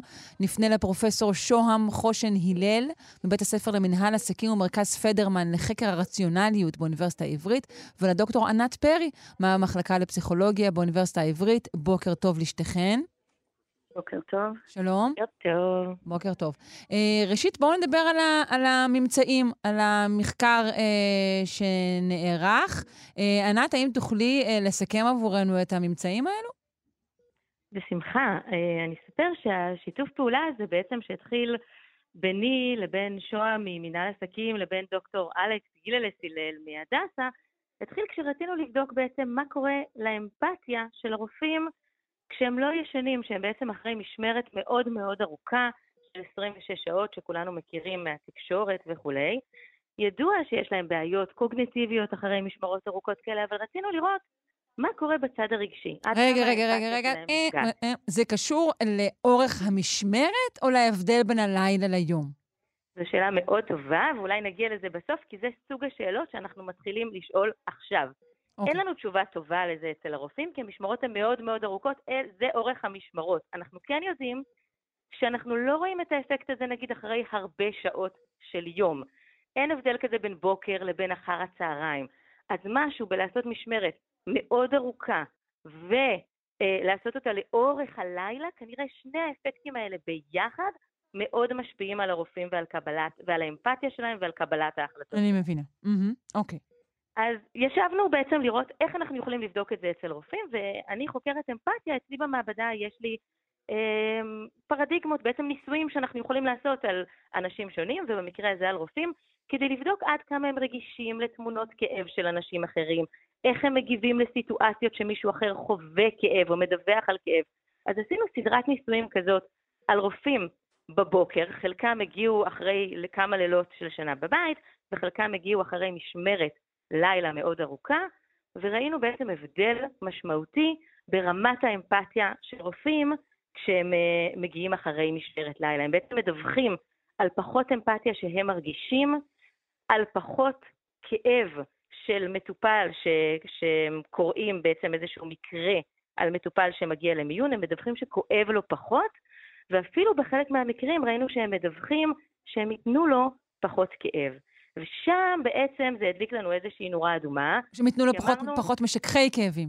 פחות משככי mm-hmm, כאבים, okay. אוקיי. סליחה, בדיוק. כי אמרנו בעצם, אמפתיה זה נשמע לנו מין משהו רך, אז אחרי 26 שעות הרופא יהיה קצת פחות אמפתי, מעבר לזה שזה נורא חשוב בפני עצמו, האמפתיה, אם את פחות רגישה על הכאב של המטופל שלך, את חושבת שכאב, שכואב לו פחות, ואולי תתני לו פחות תרופות כאב. וזה בעצם מוביל אותנו לשלב הבא, שאולי שוהם תרצה לספר עליו. כן, נשמח. שוהם, אם תמשיכי מכאן. כן, אז בעצם שלפנו נתונים מתוך מאגרי המידע בהתחלה בבית החולים הדסה, אחר כך בבית חולים אמריקאי שנמצא במיזורי, והסתכלנו על שלושה, יותר מ-13 אלף אה, מכתבי שחרור של מטופלים, כלומר כל בן אדם שמשתחרר מהמיון, הרופא מסכם את התלונה שהגיעה איתה והרבה פרטים לגבי הטיפול שקיבל והבעיות שהיו לו. בעצם קודדנו את, אה, את כל, ה, את כל המכתבים האלה. איך קודדתם ובדק... אותם? זה מ- מילות אה, מפתח שמצאתם? כן, כן, okay. אוקיי. נכון. הסתכל, נכון. אה, חלק מזה ממוחשב, חלק גם ידני, למשל את סוג התרופה פשוט עבר, אה, חצי ידני, לא להיכנס לפרטים, אבל זה אכן הרבה עבודה, כמו שזה נשמע. כן, ראשית פענחתם כתב יד של רופאים לפעמים, אני לא, חושבת. לא, לא, לא, לא, הכל לפחות... הכל ממוחשב בסדר. וזה לא מסוגלים להגיע להבין כתב יד של רופאים, אבל את הנתונים נמצאים. כתובים במחשב. אמ, אבל אה, הסתכלנו, אה, בעצם בדקנו רק את התלונות של אנשים שמגיעים עם כאב למיון, זה בדרך כלל כאב ראש, כאב בטן, כאב גב. אה, אלה המקרים שהם עמומים יחסית, שהרופא צריך לחשוב מה קורה למטופל, הוא לא רואה שבר בצילום, הוא לא רואה משהו קונקרטי, אבל המטופל מאוד כואב, הוא הגיע לבית החולים בגלל זה, והסתכלנו לפי שעה ביום. מה רמת המשכך כאבים, או האם בכלל קיבל המטופל משכך כאבים, כשחשוב לומר ששלטנו בכל גורם אפשרי פחות או יותר מבחינתנו, אה, כדי להשוות את תלונות הכאב שיהיו תלונות מקבילות ביום ובלילה למשל. כלומר, בן אדם שהגיע למיון עם כאב ראש ודיווח וכואב לו נגיד שמונה מתוך עשר, איזה, איזה טיפול בכאב הוא מקבל ביום כן, ביום ובלילה. כלומר, מקרים, מצאתם מקרים דומים ככל הניתן, והשוויתם נכון. את ההתנהגות ביום ובלילה. בדיוק. ולתדהמתנו, באמת, כמו שענת סיפרה, התחלנו בניסוי במעבדה עם הרופאים, ראינו שזה משפיע עליהם, אבל לא תיארנו לעצמנו שבשטח האפקט הוא כל כך חזק.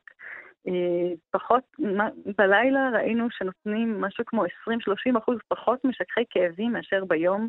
כלומר, אפקט מאוד דרמטי על, שוב, אותן תלונות, ככל שאנחנו יכולים לשפוט.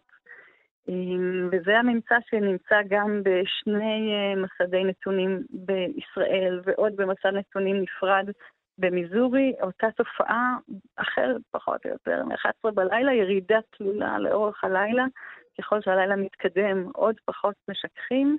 אה, ולא יכולות אה, להיות לא לזה, אוקיי, אני, יש, לי, פה ניסיונות ככה לקטרג אולי מכמה כיוונים. ראשית, אולי בלילה, גם החולים שמגיעים, הם אה, מעט יותר מנומנמים או רגועים, ואולי יש פחות צורך לתת להם גם משככי כאבים, כי הם יירדמו גם ככה. זאת אפשרות אחת. ו... אוקיי, המשככים, רגע, רגע, בואו נבחין. כן. המשככים הם לא כדי ללכת לישון, זה לא כן, תרופות שינה. לא, כדי כן, להירגע. נגיד, ברור. כדי להירגע. Uh, יש guidelines, uh, כן. אמריקאים, אירופאים, guidelines שמשמשים גם בישראל, והם אומרים, uh, בלי קשר לעייפות, שבן אדם שכואב לו שמונה מעשר, צריך לקבל טיפול במשככים. אה, כן. כואב לו מאוד, הוא הגיע לבית החולים, לא כי הוא לא נרדם, אלא כי יש לו באמת מצוקה. אה, ולכן, אה, לפי ההנחיות, צריך לתת לו משככים. כלומר, הם לא עושים דבר שצריך. זה לא ששוב, אני שוב אנסה ככה נכון. להגיד ממקום אחר, אנשים אומרים אולי, אוקיי, אז נותנים פחות משככי כאבים. למה דווקא מתן של תרופה מעיד על רמות אמפתיה? אבל אתן אומרות, לא, זה, זה לפי כן. הפרוטוקול, הוא צריך לקבל את זה. הוא, אה, הפרוטוקול כמובן נתון לשיקול דעתו של הרופא. בסופו של דבר הרופא הוא זה שצריך להחליט, כי הוא מולו מטופל, אז אין, אין איזה פתרון בית ספר שהוא חד משמעי, אבל זאת ההנחיה, ההמלצה בגדול. ו, ולא נראה שיש סיבה שבלילה, אף אחד לא אמר רפואית שבלילה ההנחיה שונה מאשר ביום. ולכן ההבדל הזה לא אמור להימצא בין יום ולילה באופן עקרוני קליני. זה שאנחנו רואים אותו, זה אומר שיש איזו התנהגות שונה של הרופאים, ולטענתנו, שוב, כמו שענת אמרה, בניסויים קישרנו את זה גם, ראינו שכשאתה חווה פחות את הכאב של המטופל, נגיד אתה רואה תמונה של מישהו שנורא כואב לו, שהוא נחתך כרגע, אתה פשוט מדווח שכואב לו פחות, ובניסוי אנחנו גם רואים שמתוקף כך אתה גם אומר שתיתן לו פחות משככים, כי אתה חושב שפחות כואב לו, אז לא צריך uh, לתת לו כל כך הרבה משככי כאבים. אז אנחנו מראים את הקשר הזה בין תפיסת הכאב של המטופל לבין הטיפול שהרופא בסופו של דבר רושם. אז mm-hmm. זה המנגנון הפסיכולוגי שאנחנו מציעים. כן, אני מבינה. Uh, ענת, עד כמה מחקרים כאלו בתחום האמפתיה של רופאים הם, או, או תחומים דומים לאלו הם נפוצים יותר היום? זה תחומים שבכלל חקרו אותם בעבר? אז יש לא מעט מחקרים על אמפתיה של רופאים, על אמפתיה של אחיות, על אמפתיה של צוות רפואי, ורואים שאמפתיה זה משהו שהוא נורא נורא חשוב לטיפול מוצלח. אני חושבת שהרבה מה... כולנו פה, שאנחנו מטופלים אצל רופאים כאלה ואחרים, יכולים לזהות את התחושה הזאת שכשהולכים לרופא שהוא טוב ונעים ונחמד ומבין אותנו, יש סיכוי יותר גדול שנבוא אליו יותר, שנמשיך בטיפול, שנקשיב לו, שנעשה את מה שהוא מבקש. יש לזה גם אפקטים ממש יומיומיים על ההתנהגות שלנו, וגם אפילו אפקטים פסיכולוגיים על כמה אנחנו מרגישים שהטיפול הזה מצליח. כן, שיכולים ממש לשפר את מצבנו, ולעיתים חלק מהפנייה שלנו היא גם הצורך שלנו באמפתיה, באיזושהי רמה. חד משמעית. לכן, כשהתחלנו, אמרנו, אמפתיה היא חשובה בפני עצמה. אנחנו רוצים לראות איך האמפתיה הזאת, שהיא נורא חשובה לתחושה, להבראה, להמשך הטיפול של המטופל, משתנה ביום ובלילה. ובהמשך בעצם ראינו שהיא חשובה לא רק לכל הדברים החשובים שמנינו קודם, אלא ממש משפיעה על משהו שאפשר למדוד אותו כשיש בעצם מספרים כל כך גדולים של תיקים, משפיעה ממש על uh, מתן תרופות. כן. אני רוצה גם לחזק קצת את מה שאמרתם קודם לגבי היום והלילה, היה אפשר לשער גם הפוך, שמטופלים שבאים בלילה, אם הם כבר הוציאו את עצמם מהמיטה והגיעו לבית חולים, הם באים עם כאבים יותר גדולים, הם mm, צועקים mm-hmm. יותר, הם דורשים כן. יותר. כלומר, זה לא נכון. חד משמעית שדווקא בלילה תהיי יותר רגועה ותצטרכי פחות תרופות. לכן היה לנו נורא חשוב שיהיה לנו בעצם דאטה סט מאוד מאוד גדול, ונוכל לשלוט על כמה שיותר דברים. אופי המטופלים, הגיל שלהם, המין שלהם, מאיפה הם מגיעים, אופי הרופאים, הגיל שלהם, המין שלהם, האם הם בהתמחות כרגע או לא, כמה עומס יש במיון, איזה סוג כאבים באו איתם, כדי באמת לומר שככל שיכולנו להשוות את המצבים האלה ביום ובלילה, בלילה נתנו הרבה אכן, יש הבדל. אה, שוהם, עד כמה תוצאות של מחקר כזה עשויות להשפיע על משמרות של רופאים, על הרווחה שלהם? אנחנו מאוד מקווים שכן, אנחנו חושבים עוד לפני, להחליף את המשמרות, כמו שכולנו רואים, פוליטית, זה כנראה צעד מאוד קשה. אה, כי מדובר לא רק לשנות את הזמנים שהרופאים עובדים בהם, אלא בעצם להוסיף כוח אדם, שכנראה אין פתרון קסם אחר כדי שרופאים יוכלו לעבוד פחות שעות, צריך להוסיף רופאים שיחליפו אותם בשעות שהם לא עובדים. אה, ואין ספק, המחקר הזה מצטרף להרבה מחקרים קודמים שהראו את הטעויות הרפואיות שנגרמות מתוך חוסר השינה של הרופאים, אז זה עוד, אה, עוד נמצא ב, ברוח הזו. בנוסף לזה, אנחנו מציעים פתרונות פשוטים אולי יותר ליישום. אני לא חושבת שהם יחליפו את זה, הרופאים צריכים לישון, אבל חוץ מזה, אה, אנחנו מציעים אה, איזושהי פרקטיקה פשוטה לטיפול בכאב במיון, שמה שאנחנו מציעים זה איזשהו נאג' קטן, איזושהי שיטה להזכיר לרופאים, אולי בתזכורת שתקפוץ להם במחשב, כשהם משחררים מישהו מהמיון, שים לב, המטופל הזה אה, המטופל דיווח שכואב לו כך וכך, כל מטופל אה, מדווח מ-0 עד 10 כמה כואב לו וזה נרשם במחשב. אנחנו מציעים פשוט להקפיץ הודעה לרופא, שים לב, הוא דיווח שכואב לו 9, אה, לפי הגיידליינס האמריקאים, כן. הוא אמור לקבל משכך, האם אתה בטוח שאתה לא רוצה לרשום? כמובן ההחלטה תישאר בידי הרופא, אבל אנחנו יכולים לתזכר ולקוות שזה יעזור לו להיזכר שיש מולו אדם שכואב לו. כן, טוב, אה, אולי זה יעזור, בטח לא יעזור כמו אה, שינויי משמרות, אבל אה, אמרנו, הנושא הזה הוא סבוך מאוד. אני מודה לכם מאוד, אה, פרופ' שוהם חושן הלל, מבית הספר למנהל עסקים ומרכז פדרמן לחקר הרציונליות באוניברסיטה העברית, ודוקטור ענת פרי מהמחלקה לפסיכולוגיה באוניברסיטה העברית. תודה רבה לשתיכן, יום טוב. תודה רבה.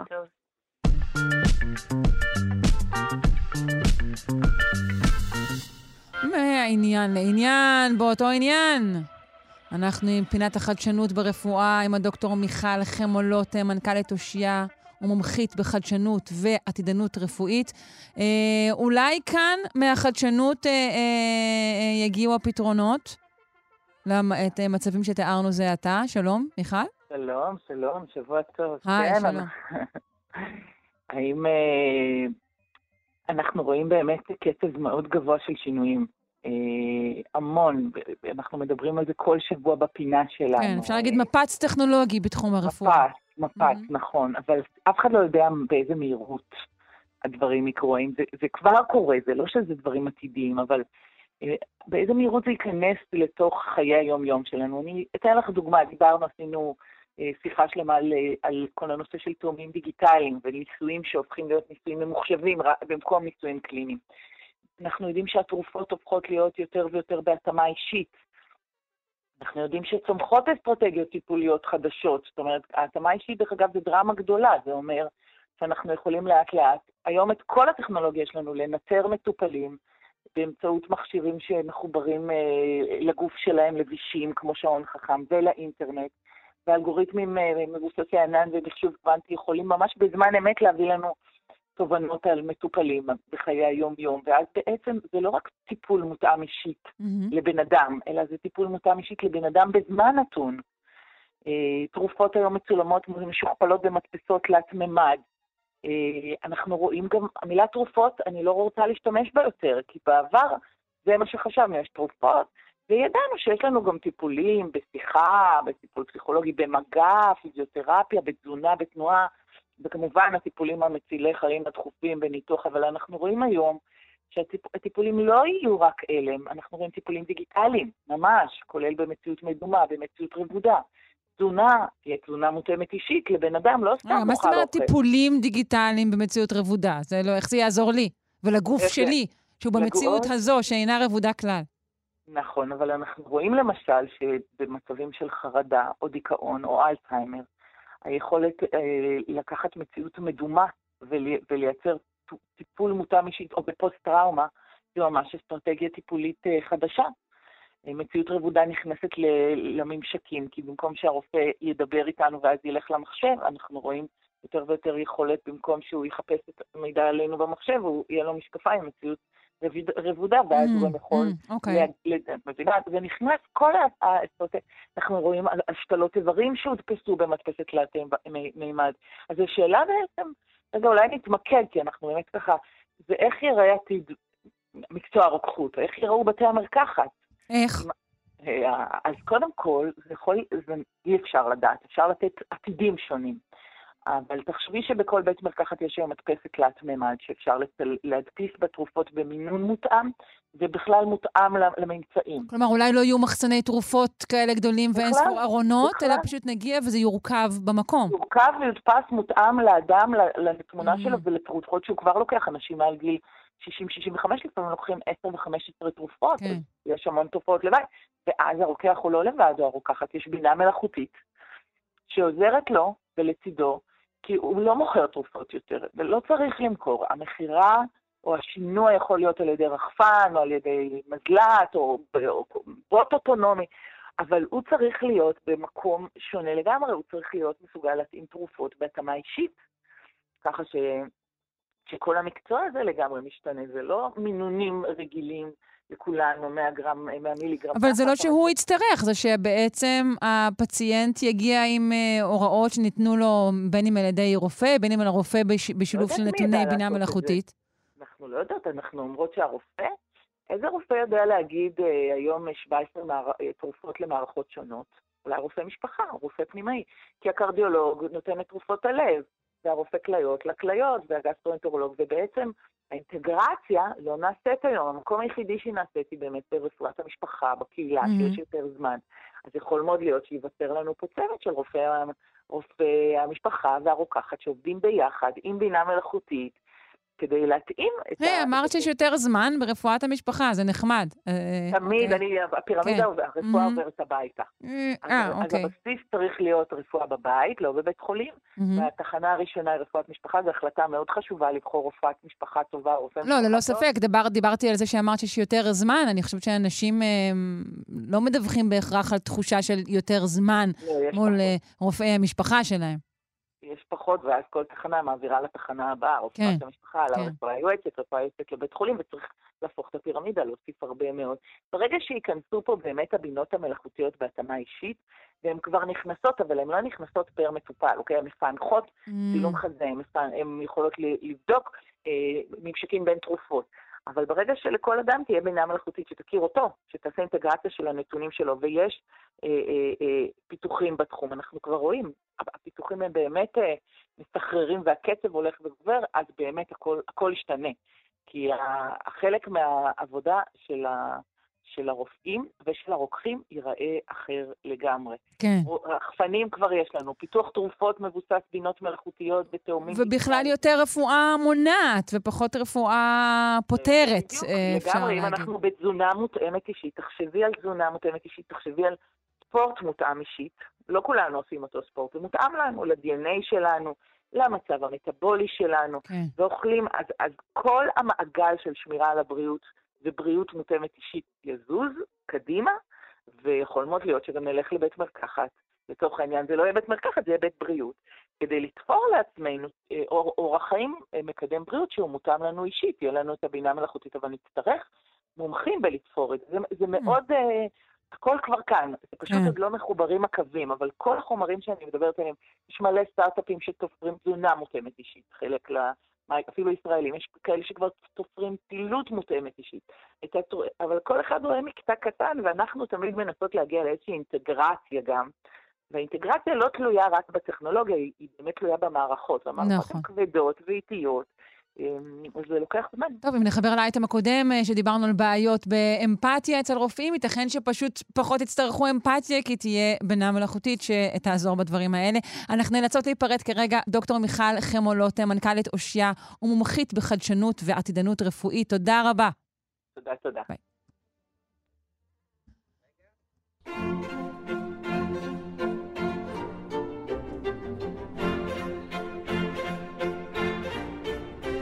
כן, זו פינת האומנות עם יונתן הירשפלד, צייר אה, וכותב על אומנות, איש הרנסאנס שלנו. שלום.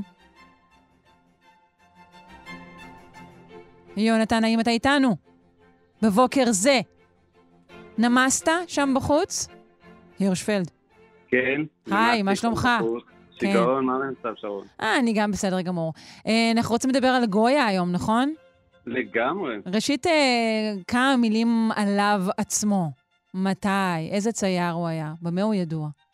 אה, גויה, כשמסתכלים על התאריכים, זה נראה כאילו הוא צייר של הרוקוקו, כי הוא נולד במחצית המאה ה-18, כזה 1740, אני יודע, ב-6 של 45, אבל בעצם הוא האבא של הרומנטיקה, ועוד יותר גרוע מזה, הוא האבא של הציור המודרני.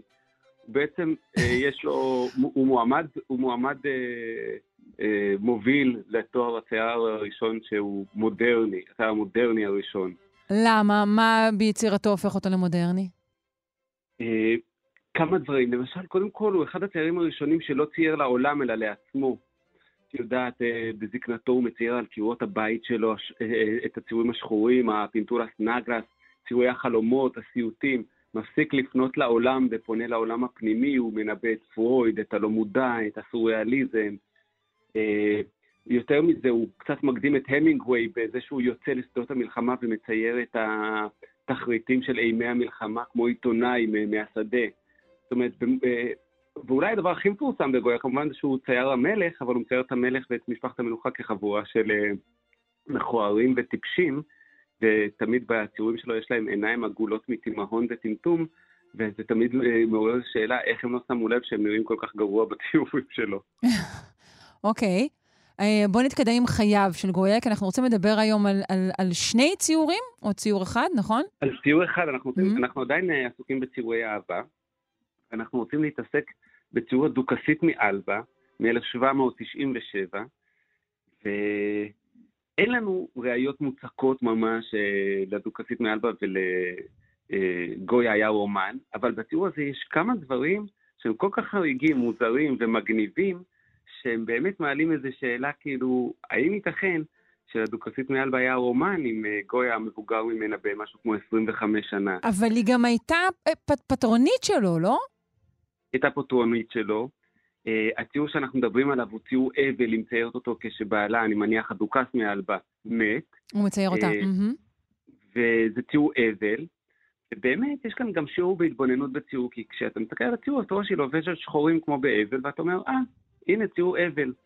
אבל אם אתה לא מסתכל כמו רובוט, הנה שחור זה אבל, אלא מסת, מסתכל ככה ברגישות, אתה שם לב שיש לה חגורה אדומה, ומתחת לשל השחור שלה היא לובשת צהוב. היא בעצם שרון נראית כמו גחלים לוחשות שמישהו עשה עליהם ככה פו. אפשר לראות אותה בוערת ככה בתשוקה. היא נראית... אה, מישהו הדליק, את, נגיד, מישהו הדליק את האש. שלה שוב. כן, והיא מצביעה. ובהצבעה הזאת קורים שני דברים. קודם כל, היא מצביעה כלפי מטה, כלפי האדמה, נכון? לגמרי, כאילו היא על החוף, על החול, והיא מצביעה על, ה- על האדמה. וקודם כל אנחנו רואים שבמקום טבעת אחת יש לה שתיים. אז על הטבעת הגדולה הלבנה, אני תכף אני אשים את זה בפייסבוק של אה, שלושה שיודעים, רואים שכתוב אלבה, אבל על האצבע המצביעה כתוב גויה. זאת אומרת, היא עוד באבל על בעלה וכבר לובשת טבעת של גבר אחר. על אנחנו- הטבעת, כלומר, במקום טבעת אחת, שהיא אה, ט- הטבעת, טבעת נישואיה, יש לה שתיים, ועל אחת מהן כתוב גויה? זו תעוזה, זו. תעוזה אדירה. מה זה? ואז עוד את, יותר רגע, גרוע. התעוזה, אגב, היא אצלה? הייתה לה כזאת טבעת, או שזו טבעת שהוא צייר בציור? אנחנו יודעים? לדעתי, לדעתי הוא המציא את זה. תראי, רוברט יוז, שכתב את הביוגרפיה הכי יפה של גויה, באמת, אה, את יודעת, אני אספר פה בסוגריים שרוברט יוז עבר אה, תאונת דרכים ושבר את כל העצמות בגוף, והוא היה במה שנקרא locked in syndrome, שאתה כלוא בתוכך ומבחוץ אי אפשר לדעת אם אתה מת או חי. מהמם. וכדי לשרוד את זה, כדי להישאר שפוי, הוא כתב ביוגרפיה של גויה בראש. הביוגרפיה הזאת נפתחת בפרק שנקרא Crashing into גויה, להתרסק לתוך גויה. הוא כותב לשם חייו. זה ספר מאוד יוצא דופן ויפה. כל פנים, אה, רוברט יוזות טוען שתפסיקו להגיד שהיה בין השניים רומן, כל מה שהיה זה שגויה פינטז את הרומן ביניהם. הוא הלביש עליה את הטבעת, הוא זה. היא בטח לא הייתה מאשרת את זה. הציור נשאר אצל גויה בסטודיו אחרי מותו. ככה שבאמת אנחנו לא יודעים אם היה שם רומן או לא. אבל עצם העובדה שגויה צייר את זה, אומר שמשהו, משהו קרה שם. כן. אה, מה לגבי הנעליים? כן, זה נעליים שהם אה, לא מהנעליים של האצולה הספרדית במאה ה-18, זה נעליים של המאחה, המעמד העממי הפולקלוריסטי יותר, שזה כאילו בא להראות עליה שהיא, גם הבגד עצמו הוא יותר, אה, החגורה הזאת, הסאש הזה, מהמם. הוא יותר של המעמדות הנמוכים.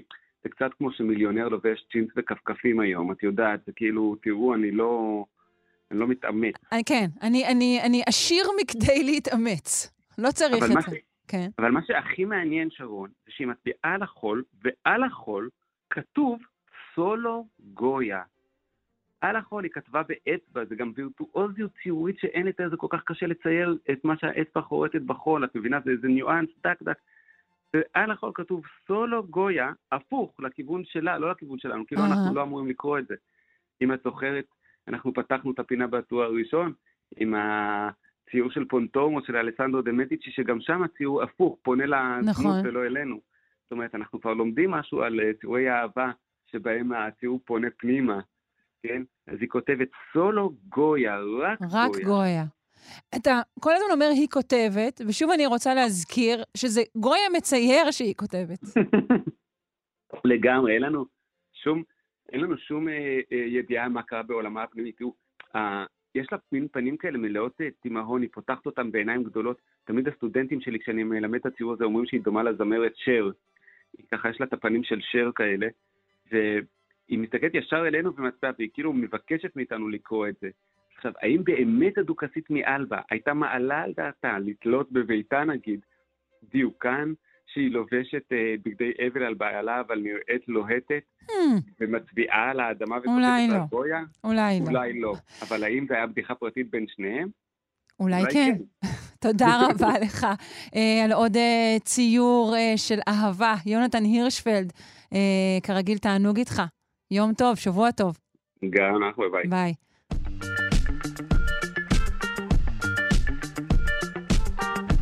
עד כאן שלושה שיודעים להיום את הציורים שהירשפלד מדבר עליהם אפשר למצוא בקבוצת הפייסבוק שלנו כאן, שלושה שיודעים, וגם עוד דברים מחכים לכם שם.